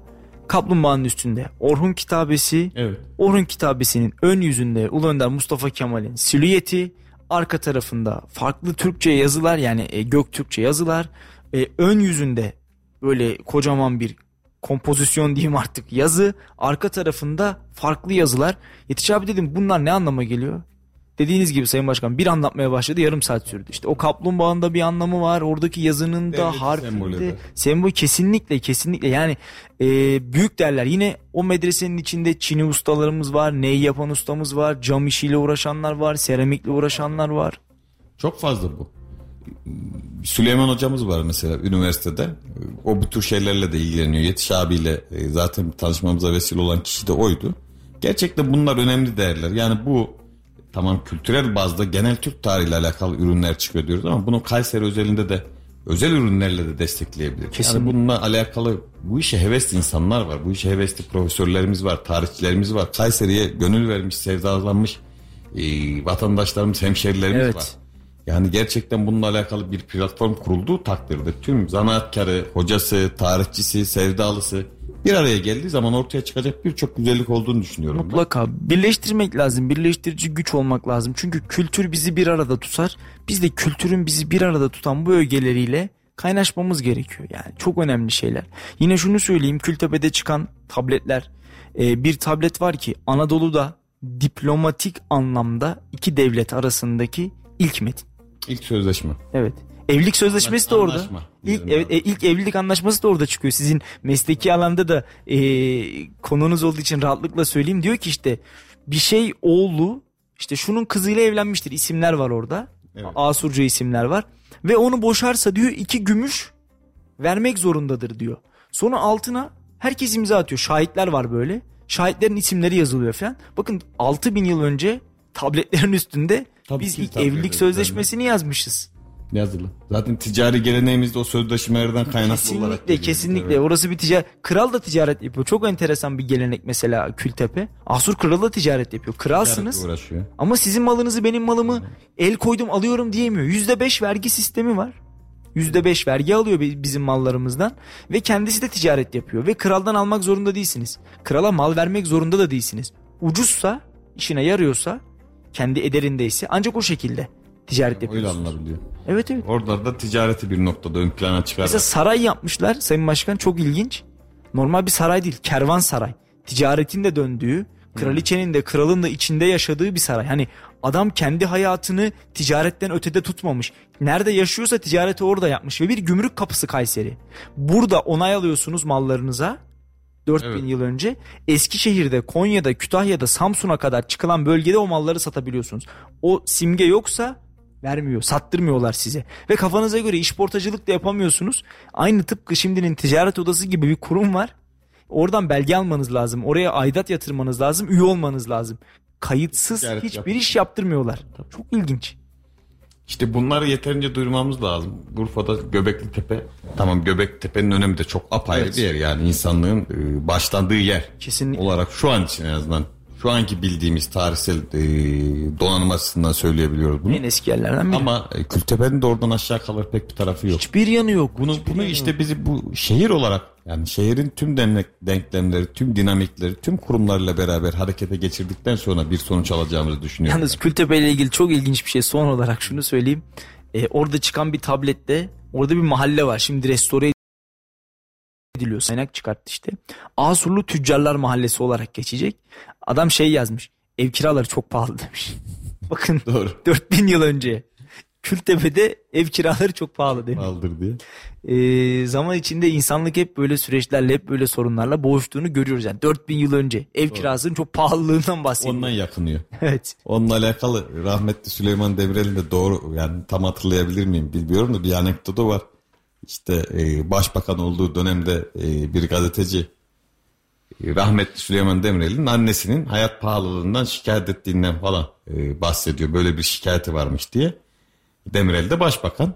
Ya diyor benim annem de bizim milletimiz hep şikayet eder zaten diyor. Yani bu bizde var. Böyle bir durum o şekilde Evet. geçiştiriyordu. O da öyle pratik cevaplarıyla ünlüdür ya. Anam hep şikayet eder diyor. Ama var ya demek ki.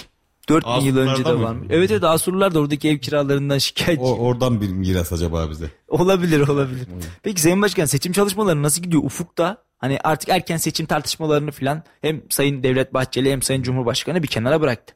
Evet, her zaman seçim 2023'ün Haziran'ında yapılacak. E, Biz 2022'nin Haziran'ın son günündeyiz. Bugün yarın Temmuz. Evet. Ve artık 11 ay aylık bir süre kaldı. Ee, nasıl gidiyor seçim çalışmaları? Genel yani seçimi sorayım. Şu an için şöyle söyleyeyim. Aktif bir seçim çalışması veya bir seçim programı yok Hı-hı. önümüzde. Evet. Ee, çünkü seçime bahsettiğimiz 11 ayda olsa 11 ay çok uzun bir süre Kesinlikle. siyasette.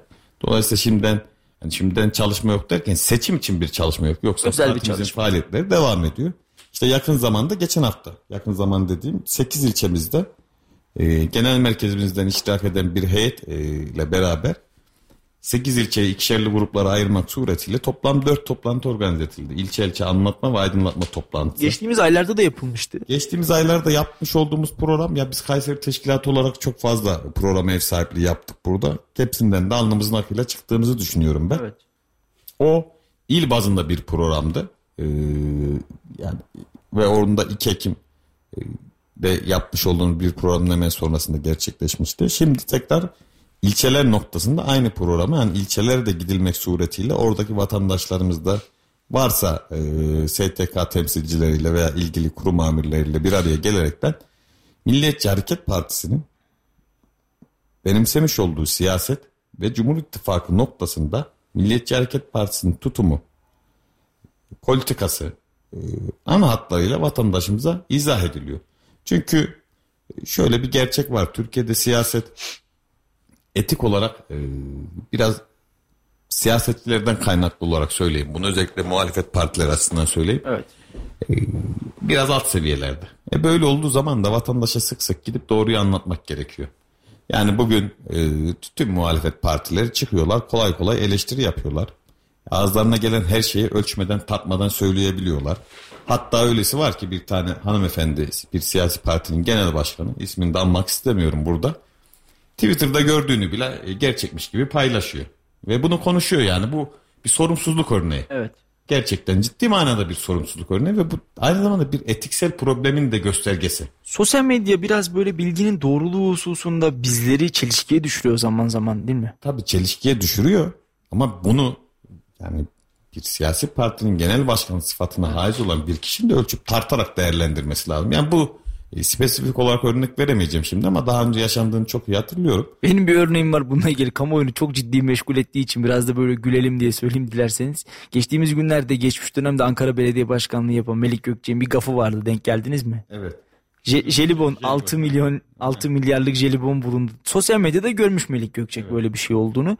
Şöyle bir paralellik var orada. Sayın Cumhurbaşkanı da Eskişehir'de bir toprak madeni kaynağı bulunduğunu e, element bulunduğunu söylüyor. Nadir element bulunduğunu söylüyor. Sayın Gökçek de jelibonu nadir element zannediyor ve bunu canlı yayında dile getiriyor. Sunucu uyarıyor bakın diyor hani bir yanlışlık olabilir. Hayır hayır diyor bulunmuş 6 milyar dolarlık bir jelibon bulunmuş diyor. Ya şimdi işte e, Melih Bey'in böyle gaflarına daha önce de şahit olduk. Gerçekten Twitter'da çok fazla kullanmasından kaynaklandığını düşünüyorum evet. ben de. Biraz daha şey kullanması daha iyi olacaktır yani seyrek kullanması. Ama şu bir gerçek. Ya bu verdiğiniz örnek üzerinden gidelim. E, Türkiye Cumhuriyeti özellikle e, yeraltı kaynakları, maden araması veya enerji kaynaklarının aranması, taranması ve çıkarılması noktasında çok ciddi bir atılım sergiliyor. Şu an yanlış hatırlamıyorsam 9 adet sondaj gemimiz var bizim. Evet. Ve durmadan arıyoruz. Durmadan sondaj yapıyoruz. Karadeniz'de, Akdeniz'de Karadeniz'de çıkardık ya. Evet. Hani onlar da dalga geçiyordu bu muhalefet. Yani nereden çıkacak hani kapılar açıyorduk hani camlar açıyorduk. Arkadaş bir sakin olun ya çıkıyor işte yani. E, çıkardık karıya da getirdik. Veya e, Sayın Cumhurbaşkanı'nın Adana'da bulunan petrol rezerviyle alakalı evet. ya ciddi ciddi kaynaklar var. Biz bunlar çıkarıyoruz bu yeraltı kaynaklarını artık ülke olarak. Ama işte görüyoruz sosyal medyada bir e, gaftan dolayı tüm bu gerçekten de ciddi kazanımlar bir noktada sekteye uğruyor. Şöyle ama Melih ben ben şu yüzden hani siz az önce bir örnek verdiniz bir partinin genel başkanı dediniz. O örneği de biliyordum ama telaffuz etmek istemedim. Neden? Aktif siyaset yapıyor. Melih Bey artık hani aktif siyaseti tabii, bıraktığı tabii. için daha rahat He? konuşulabilir yok, bir pozisyon. Yok yok konuşulur tabii ama bu bu şekilde biraz da işte bu muhalefetteki siyasi sorumsuzluktan kaynaklandığını evet. düşünüyorum ben. Ee, orayı biraz daha böyle nasıl işte kötüleriz nasıl eksi yazdırırız da bu kazanımları bir noktada milletin gözünden kaçırırız telaşı var. Peki Melik Gazi'deki muhalefet nasıl? Hazır yeri gelmiş onu da sorayım. İttifakı ben sorduk. Melik Gazi'de bir muhalefet olduğunu düşünmüyorum. Çok net söyleyeyim. Evet. Yani bunu uzun zamandır yani 3 yıldır ben ilçe başkanıyım aşağı yukarı. 3 yıldır ya hani bir tanesi de çıkıp bu, bu da gerekli yani bir noktada. Hangi Kesinlikle. partiden olursa olsun. Kesinlikle. Hani bir tanemiz de ya şurada da şu eksik, burada da şunu yapın, burada da bunu yapın demiyorlar. Bir mesele üzerinde şimdi o meselenin detayına girmeye gerek yok muhalefetten bir e, itiraz gelmişti. O da sonrasında çözüldü. Gelmediği gibi de bir takım e, olumsuzluk, çirkinlik diyeceğimiz şeyleri görüyoruz hı hı. muhalefette. Bu medyada yansıdı. Şimdi isim zikretmek doğru olmaz. Hani Melik Gazi Kayseri'nin en büyük ilçesi. Evet. E, zaman zaman Koca Sinan muhalefetinde görüyoruz. Hem hı. muhalefet hem e, iktidar ama orada da yapıcı bir durum da oluyor aslında. Takip de ediyoruz. Bir şey varsa söyleniyor. Ama Melik Gazi'de herhalde yani biz kendimizi muhalefet olarak görmüyor. Yani muhalefetiz. Evet, evet. baktığımız zaman resmiyette ama evet. Cumhur İttifakı'nın ortak adayı kazandığı için AK Parti ile de ortak grup toplantılarımız oluyor. Ayrı ayrı yaptıktan sonra sonra bir araya gelip ortak grup toplantısı alıyoruz. Hı-hı. Orada değerlendiriyoruz. Nedir meclisin gündemi? Budur. Burada ne yapacağız? Şurada ne yapacağız? Bunları tartışıyoruz. Evet. Belediye başkanımızın ayrıca bilgilendirmesi gereken bir husus olursa konuda bilgiyi alıyoruz. Esasında baktığınız zaman Melik Gazi'de muhalefeti de yine biz yapıyoruz. Yine AK Parti yapıyor. Evet. Kendi kendimize hani eleştiri eleştiri bir noktaya getiriyor. Çünkü öbür taraftan hiç ses yok. Peki şey nasıl? Meclis üyelerinizin tutumu nasıl? Milliyetçi Hareket Partisi, Koca Sinan Meclis, şey, özür dilerim Melik Gazi meclislerine çalışıyor mu? Hazırlanıyor mu böyle? Nasıl gidiliyor? Yoksa Hazırlanıyor. Hazırlanıyorlar. Şimdi bugün bana meclisin gündemi geldi. Ee, pazartesi Siz de bakıyorsunuz herhalde. Temmuz'u tabii. E, o düzenli olarak her hafta yani her hafta dediğim şey gündeminden önce yani belediye meclisi toplanmadan bir hafta öncesinde gönderilir bize. Bununla alakalı ben ilgili komisyonlarda görevli meclis üyelerim kimse ne var gündemimizde? 22 tane madde var. Bu 22 maddenin 12 tanesi örnek veriyorum imar komisyonuyla alakalı. İmar komisyonundaki üyemiz kimse o gelir bizim grup toplantımızda briefingini verir. Anlatır. Evvelinde önemli bir husus hassasiyet göstermemiz gereken ciddi bir mesele varsa ve bu noktada da bir e, ittifak ortağımızda iletişim kopukluğu olduysa bunu daha evvelinden değerlendiririz.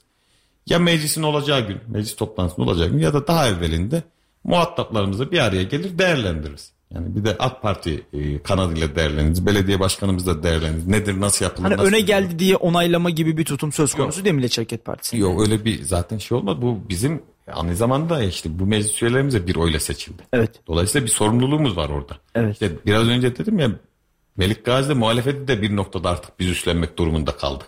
Yani AK Parti ile beraber MHP hem iktidar hem muhalefet görevini üstleniyor yani. Öyle bir durum var. Bu şekilde ilerliyor çalışmalarımız.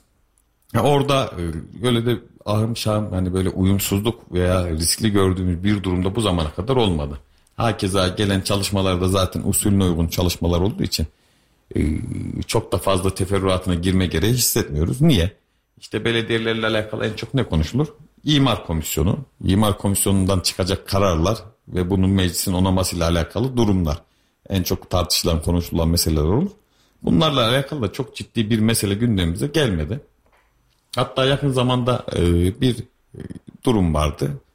Bununla alakalı da biz e, bize gelen bir taleple alakalı meclisten önce belediye başkanımızı ziyaret ettik. Biz dedik böyle böyle değerlendiriyoruz. Bu konu hakkında sizin hassasiyetinizi biliyoruz. Belediye başkanımızın haklı olduğu ama bir noktada da işin sonucunda farklı bir yere seçilecek, çekilecek e, noktasında bir endişemiz vardı. Bir okulun e, milli eğitime devriyle alakalı evet. ciddi bir okul. Belediye başkanımız oradaki rahatsızlığını dile getirdi. Ben bundan bundan dolayı da artık hani bu iş hızlansın diye böyle bir şey yapıyorum. Ama madem sizde de böyle bir rahatsızlık oluştu orta yolu bulalım. Bu zaten de devletin malı yine milletime devredeceğiz. O şekilde meclisten geçirdik. Yani bu uyumlu bir halde devam ediyor. Evet ee, yani siz de hem burada AK Parti'ye yani resmiyette muhalefetsiniz ama bir ittifak ortaklığı söz konusu. Tabii. Hem muhalefet olarak da yetersiz olduğunu özellikle Melik Gazi'de dile getiriyorsunuz. Yetersiz değil muhalefet yok Melik evet. Gazi. Keşke olsa. Yani ben Milliyetçi Hareket Partisi'nin konumunu... Yapıcı bir eleştiri olduğu takdirde de bence renk katar, güzel olur diye düşünüyorum. Renk katar tabii güzel olur. Ama ben işte olmadı yani bu zamana kadar dişe dokunur bir şey görmedik. Milliyetçi Hareket Partisi'nin e, durduğu pozisyonu tarif etmek gerekirse bunu genel başkanımız zaten yıllar evvel tarif etti denge ve denetleme görevi üstleniyoruz biz. Evet. Bulunduğumuz her ortamda. Milliyetçi Hareket Partisi'nin şu an için misyonu budur. Yani denge ve denetleme. Bu dengeyi Allah'a çok şükür bu zamana kadar hiç bozmadık. Bozulmasına vesile olacak şeylerden uzak durduk. Denetleme görevimiz noktasında da elimizden geldiğince bildiğimiz, şahit olduğumuz her konuda gidip gereğiyle ilgilisinin muhatabı kimse onunla yüz yüze gelerekten bunun da e, takibini yapıyoruz. Evet. Peki Sayın Başkan Ee, o kadar çok soru var ki inan soramadığım sorular da var. Yavaş yavaş da programımızın sonuna geliyoruz. İki saat nasıl geçer diyorduk yayından evvel konuştuğumuzda. Evet bir buçuk saattir yaklaşık olarak yayındayız şu anda. Son 20 dakika kadar daha konuşacağız ama e, bir il başkanı değişikliği oldu. Evet. Adnan, Adnan İnce Toprak e, Milliyetçi Hareket Partisi Kayseri İl Başkanlığı'na geldi ve e, devam ediyor. Başkanı yeni bir hareketli baş başladı. Hala da alanda gittiğim aşağı yukarı her programda ben Adnan Başkan'ı görüyorum. Var. Ee, sağ olsun Adnan abi. Ee, gerçekten e, çok güzel bir ivmeyle, güzel bir hızla başladı. Bunu da kesmedi. Bence önemli olan husus da budur. E, çünkü her gelen yani yeni göreve başlamanın heyecanıyla beraber e, o yoğunluğu bir şekilde yaşıyor. Ama sonrasında baktığımızda Adnan abi ve il yönetimindeki diğer ülküdaşlarımız e, bu tempoyu sürdürüyorlar, devam ettiriyorlar. Gerçekten de e, bir noktada da Kayseri'de ses getirdiklerini düşünüyorum ben. Evet. Yani e, tabii ki MHP Kayseri'de atıyorum Adnan abi değil başka bir isim de il başkanı olsa o da ses getirecekti. Yani niye ses getirecekti? Çünkü Milliyetçi Hareket Partisi Kayseri'deki önemli siyasi partilerin başından geliyor. Yani evvelinden bu tarafa illaki MHP'deki bir değişiklik ses getirir. Ama Adnan abinin şöyle bir artısı oldu il başkanımızın. Ee, biraz önce söylediğiniz konu çok önemli. Gittiğim her yerde görüyorum diyorsunuz. Evet. Gerçekten de yani Kayseri'de şehir protokolü olsun veya şehir protokolünün e, katıldığı programlar olsun, diğer devlet kurumlarının programları olsun, bunlara yapılacak ziyaretler olsun, e, sivil toplum kuruluşlarının organizasyonları, faaliyetleri olsun, yine e, diğer ilgili derneklerin, köy ve mahalle dernekleri diyelim, hemşeri dernekleri diyelim, programları olsun. Bunlara e, mümkün mertebe değil hemen hemen her gelen davete icabet ettiğini biliyorum ben. Evet. Katılıyor. Orada da e, şöyle de bir durum var. Gittiği yerlerde de katıldığı programlarda da kendisi insani hasletler olarak biraz daha sevecen, e, mütevazi, e, girişken, konuşkan, muhabbette seven kibar bir e, şahsiyet olduğu için e, adını siz getirin. İnsanlarla da bir araya geldiği zaman etkileyebildiğini görüyorum ben. Evet yani e, sizler de bu hareketten ilçe yönetimleri olarak memnunsunuz yeni il başkanının evet. çalışmalarından değil mi? Evet aynen aynen. Bizim de radyomuzu dinliyor onu da söyleyelim. Dinliyor. Alanda denk geldiğimiz zaman özellikle Mustafa abinin sabah yayınlarını dinlediğini söylüyor sağ olsun var olsun. Dinleyicilerimizden bir tanesi aynı zamanda Milliyetçi Hareket Partisi'nin ilde başkanı. Ee, peki Sayın Başkan her yolculuk bir hedefle başlar. Her yolculuğun kendine has bir hedefi, kendine özgü bir hedefi vardır. Sizler de bu siyaset yolculuğuna çıkarken ya bir hedef doğrultusunda çıktığınızı düşünüyorum ya da zaman içinde bir hedef belirlemişsinizdir. Siyasette hedef nedir? Nereye geleceğiz? Enes Ertuğrul Kalın'ı yıllar sonra ya da bir sonraki seçim dönemi vekil adaylığı listesi olabilir mi? Belediye başkanlığı olabilir mi? Düşünüyor musunuz? Gönlünüzde yatan bir mevki makam var mı? Valla buna samimiyetle cevap vereyim genelde siyasetçiler bu tür sorulara hep samimiyetle cevap vereyim der ama insanlara ne kadar inandırıcılığı olur, karşılığı olur. Genel olarak aldığımız cevap şu, e, hepimizin gönlünde yatan bir şey var ama konuşmak çok erken ya da benim hiçbir e, talebim bu şekilde bir niyetim yok ama e, vatandaş uygun görürse biz de düşünürüz gibi cevaplar alıyoruz genelde. Doğru. doğru. Yani ben her ikisinden de farklı bir cevap vereyim. Gerçekten de ben illaki yani şimdi şöyle değerlendirmek lazım. Milliyetçi Hareket Partisi'nde siyaset yapıyorsunuz. Ve bu siyasette ülke ocaklarına adım attığınız ilk günden oradan çıkıp partiye geçeceğiniz güne kadar aldırmış olduğunuz eğitim, kültürel donanım evet. e, sayesinde bir noktada ileriye getiriyorsun. Dolayısıyla bizim ülkücüler olarak sıfatımız ne olursa olsun, il başkanı olsun, ilçe başkanı olsun, meclis üyesi olsun. Bu çok önemli değil. Bariz şahsi ikballer peşinde koşmamız çok olası değil. Evet. Bu mümkün de değil. Yani ben buna en başta kendime yakıştıramam. Yani niye yakıştıramam derken şöyle diyorum. Belki ben Allah nasip edecek işte 10 yıl sonra e, siyaseten bir yere aday olabilirim. Bunu hak olarak görürüm kendimde. Evet. Ama bunu bir ikbal olarak görmem. Yani nasıl ikbal olarak bir gelecek olarak görmem. Yani illa ki ben gidip bir yere aday olacağım. illa ki gideceğim bir belediye başkanı milletvekilliğine listeye girmem lazım vesaire şeklinde bir hedef olarak koymayız.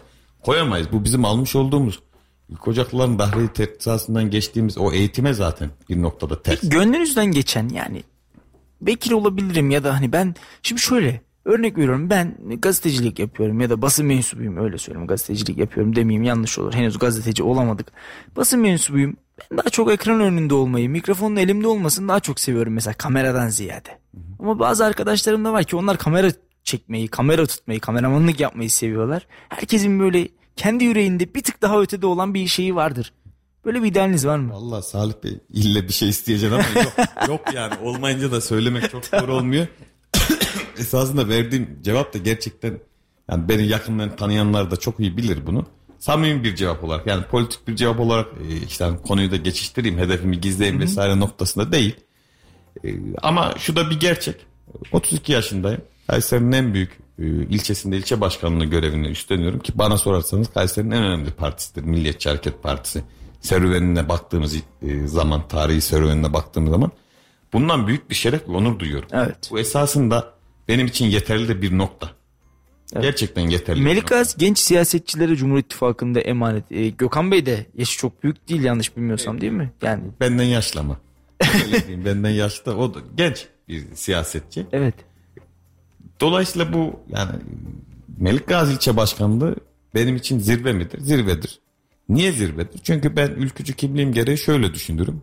Ülkücü hareketin herhangi bir noktasında, herhangi bir kurumunda almış olduğum görevi o görev benim için zirve bir görevmiş. Son noktaymış, son hedefmiş olarak evet. değerlendirerek çalışırım. Ülkücüler de böyle düşünür zaten. Hı hı. Ama ben biraz önce dedim genç diye tabir edilecek, e, tanımlanacak bir yaştayım. Bundan sonra atıyorum siyasette olur muyum? Olabilirim. Evet. Yani bu yaşta siyasetten emekli olmak gibi bir durum söz konusu değil. Ama bunda yine altını çizerek söylüyorum. İlle de şurada olacağım, burada olacağım diye bir şey yok. Benim için zirve Milliyetçi Hareket Partisi'nde Melik Gazi ilçe başkanlığıdır.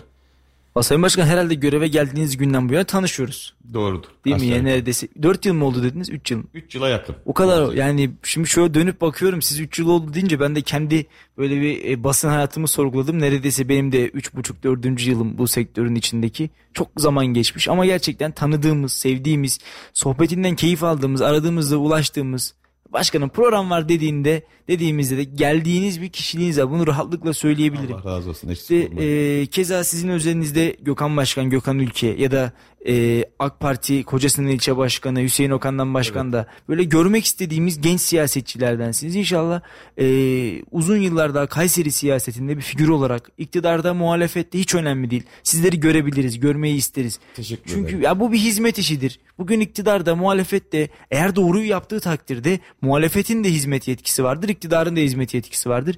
İnşallah her zaman o doğruda hizmet edenlerden olabilirsiniz. Her biriniz için ayrı ayrı söylüyorum. Siyasi parti ayırt etmeden tüm siyasetçilerimiz için. Teşekkür ederim. Biz böyle Eksik görüyoruz. olmayın çok sağ olun. Şimdi e, çok hızlandıralım böyle programın bu kısmında. Önümüzde bir genel seçim de var aslında. Önce bir genel seçim var 2023'te ve e, adayınız açıklandı zaten. Hem evet. Devlet Bey açıkladı hem Tayyip Bey açıkladı. Cumhur İttifakı'nın adayı mevcut Cumhurbaşkanı Recep Tayyip Erdoğan'dır. Doğrudur. Nasıl görüyorsunuz? E, karşısındaki aday belli değil ama. Şimdi Tayyip Bey diyor ki ey Kemal, Bay Kemal aday sen çık söyle hadi. Henüz Kemal Kılıçdaroğlu'ndan ses yok. E, ben aday olacağım demiyor ama paylaşımları sanki biraz ben adayım der gibi. E, bir de e, CHP'nin doğal adayı kimdir bugün herhalde Kemal Kılıçdaroğlu'dur. Bir taraftan işte olması gereken odur. Yani bir taraftan işte Ekrem İmamoğlu'nun adaylığı konuşuluyor. Bir taraftan Mansur Yavaş'ın adaylığı konuşuluyor. Bir taraftan Bolu Belediye Başkanı Tanju Özcan burada benim mikrofonlarıma da aynı açıklamayı yaptı. Ekmelettin İhsanoğlu gibi kafama yatmayan bir aday çıkarsa 100 bin imza toplar ben aday olurum diyor. Orada bir belirsizlik hakim. Bence bir belirsizlik yok. Hı hı. Paylaşım noktasında anlaşamadıklarını düşünüyorum ben altılı evet. masanın. Yani oradaki aday Kemal Kılıçdaroğlu olacak gibi duruyor. Ama tabii bunu da açıklayamıyorlar artık nasıl bir siyasi denge gidiyorlar onu da kestirmek çok mümkün değil. Ama açıklayamamaların en temel sebebi bence o altılı masanın paylaşım noktasında anlaşmazlık yaşaması. Yani altı tane gerçekten de yani bunu söylerken de öyle siyaseten söylüyorum veya muhalefet eleştirmek için söylüyorum diye düşünmeyin. Ben buna inanıyorum. Yani o altı parti birden altı siyasi parti dışarıdan eklemlenen HDP ile beraber şuraya varıyor. Kim? Kaç bakanlık alır? Evet. Bu bakanlığı alacağız da bakan yardımcılar kim olacak, müsteşar kim olacak, genel müdürü kim olacak, şu olacak, bu olacak. Bunun derine düştükleri için o paylaşım noktasında bir problem yaşıyorlar.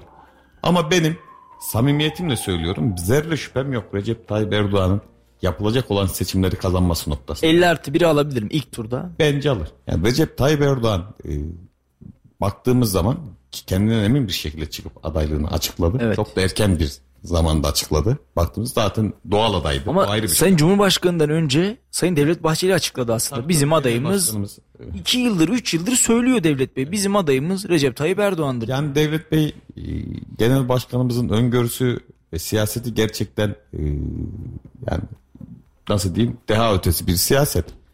Bu noktada bunu bu açıklamayı yapıyorsa elbette ki bir hesabıyla bu hesa e, açıklamayı yapmıştır. Bunu da bugün görüyoruz aslında yani karşı tarafın adayının belirginleşmesi noktasında bir baskı oluşturmak istiyoruz biz. Yani çıksın açıklasın artık kimse aday. Çünkü durmadan eleştiriyorlar, durmadan vaatte bulunuyorlar aslında ciddi vaatler de değil. Ama kim yapacak bunu o belli değil. Yani kim kazanacak, kim adayınız olacak o belli değil. Ortada aday yok. Ortada aday yok. Bu da muhalefete yakışan bir şey zaten. Evet. E, Yıllardır yaptıkları bu. Ben şuna da değineyim. Bugün Cumhur e, İttifakı'nın paydaş olan bir partinin ilçe başkanıyım. Evet. Olmasam da benim oy vereceğim yer belliydi. Çünkü şöyle bir gerçek var. Yani Türkiye'de iki adaylı bir seçime gidilecek. Evet. Ve açıklanmayan o aday, yani henüz adaylığını açıklamayan o kişinin en büyük seçim vaadi KHK'lıları affedeceğim diyor. Bakıyorsunuz Libya'daki Türk askeri varlığına sonlandıracağını söylüyor. Yetmiyor Suriye'de ne işimiz var bizim diyor. Evet. Doğu Akdeniz'e dair hiçbir yorumu yok.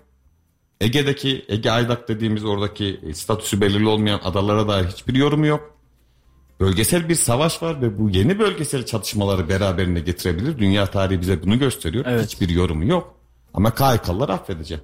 Kusura bakmayın da benim hakkımı ye.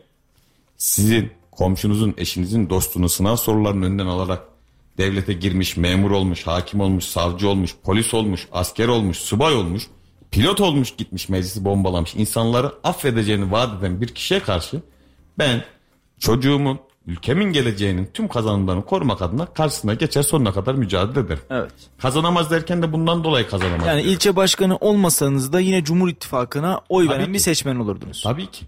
Çünkü şartlar bunu gerektiriyor. Evet. Baktığın zaman hiçbir şey yok vaat edilen. Ama bu tarafta baktığın zaman çok ciddi bir diplomatik başarı var ortada. Hala sürdürülen bir diplomasi var. Evet. Artık bu diplomasi edilgen bir diplomasi de değil, etken bir diplomasi. Ankara merkezli bir diplomasi. Peki Cumhur İttifakı 2023 seçimleri sonrasındaki yerel seçimlerde devam edip sonrasında tekrar 2024'de 25'e uzanır mı sizce? uzanacak. Yani bu bugünün meselesi değil. Bize durmadan şöyle eleştiriler geliyor. Yani niye uzanacak onu da söyleyeyim.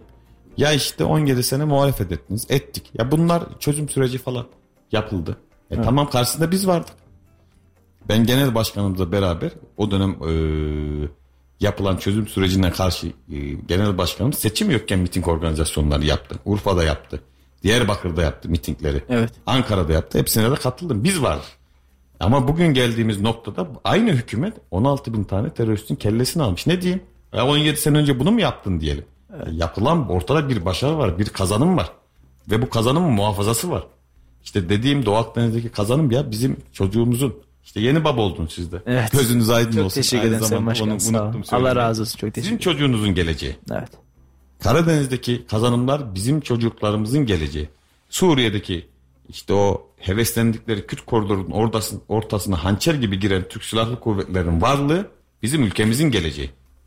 Ya bunları görmezler. Bunların hepsini sonlandıracaklarını söyleyip bir taraftan da KYK'lılara af getireceği şeklinde vaatte bulunursa kusura bakmasın bu milletten o tokadı bir kez daha yer. Evet. O değil. Onun yerine kim aday çıkarsa çıksın. Ö, bitiremedikleri belediye başkanları çıksın. Öbürü çıksın, şu çıksın, bu çıksın. Ne olursa olsun. Vaatleri bu olduğu müddetçe kaybetmeye mahkumlar. Evet. Yani Sayın Cumhurbaşkanı'nın yeniden kazanacağını söylüyorsunuz. Tabii ki. Hiç şüphem yok. Sayın Başkan çok teşekkür ediyorum. Valla çok keyifli bir yayın oldu. Son olarak böyle sözlerinizi alalım. Neler söylersiniz Melik Gazi'de yaşayan vatandaşlara, hemşerilerinize, partililerinize ya da muhalefetinize ne söylemek istersiniz? Vallahi şunu söyleyeyim. Öncelikle teşekkür ediyorum. Bize de böyle bir fırsatı e, verip yayınınıza davet ettiğiniz için. İnşallah e, izleyicisi, dinleyicisi de bol bir yayın olmuştur diye temenni Güzel ediyorum. güz- güzel etkileşim Ben şunu söylüyorum. Benim adım Enes Ertuğrul Kalın. Milliyetçi Hareket Partisi Melik Gazi İlçe Başkanlığı. İl başkanlığımızın yerini, adresini her çok yani ül- Kayseri'de yaşayan herkes aşağı yukarı biliyordur. Ne problemleri olursa, ne sıkıntılar olursa, ne talepleri olursa ister sosyal medyasından yazsın, ister çıksın partimize gelsin, isterse telefon numaramızdan ulaşsın Evet. onların o sıkıntılarını, o dertlerine ortak olacak. Onların o problemlerini çözmek için mücadele edecek bir Milliyetçi Hareket Partisi Kayseri'de var. Bunu bilsinler. Buna göre hareket etsinler. Ne zaman dara düşerler, ne zaman sıkıntı yaşarlarsa gelsinler. Biz bunu söylüyoruz. Açık yüreklilikle söylüyorum. Ve her zaman da bu şekilde mücadele ediyoruz. İnşallah Allah da bu mücadelede bizim gücümüzü, kuvvetimizi eksik etmez diye Evet. dua ediyorum. Duada bekliyorum. Efendim çok keyifli bir yayın oldu. Ben de haseten geldiğiniz için bir kez daha teşekkür ediyorum. Malum seçime az kaldı. Sizle uzun uzun daha böyle sık sık görüşecek gibiyiz. İnşallah. Ee, teşekkür ederiz. Keyifli bir yayın oldu. Ben de teşekkür ederim. Çok sağ olun. Değerli dinleyenler bir konuşacaklarımız var programının daha sonuna geldik. Bugünkü konumuz Milliyetçi Hareket Partisi Melik Gazi İlçe Başkanı Enes Ertuğrul Kalındı. Ve sizlerle birlikte kendisine soruları yönelttik. Sorduklarımız vardı, soramadıklarımız da oldu. Bir sonraki yayına sakladıklarımız oldu. Geldiği için bir kez daha kendisine teşekkür ediyorum. Ve en büyük teşekkürü de bıkmadan usanmadan yaklaşık 2 saattir bizleri dinleyen siz değerli dinleyicilerimize etmek istiyorum. Efendim yarın aynı saatte saat 17'de haftanın son yayın gününde karşınızda oluncaya dek hoş kalın, hoşça kalın diyorum. İyi akşamlar.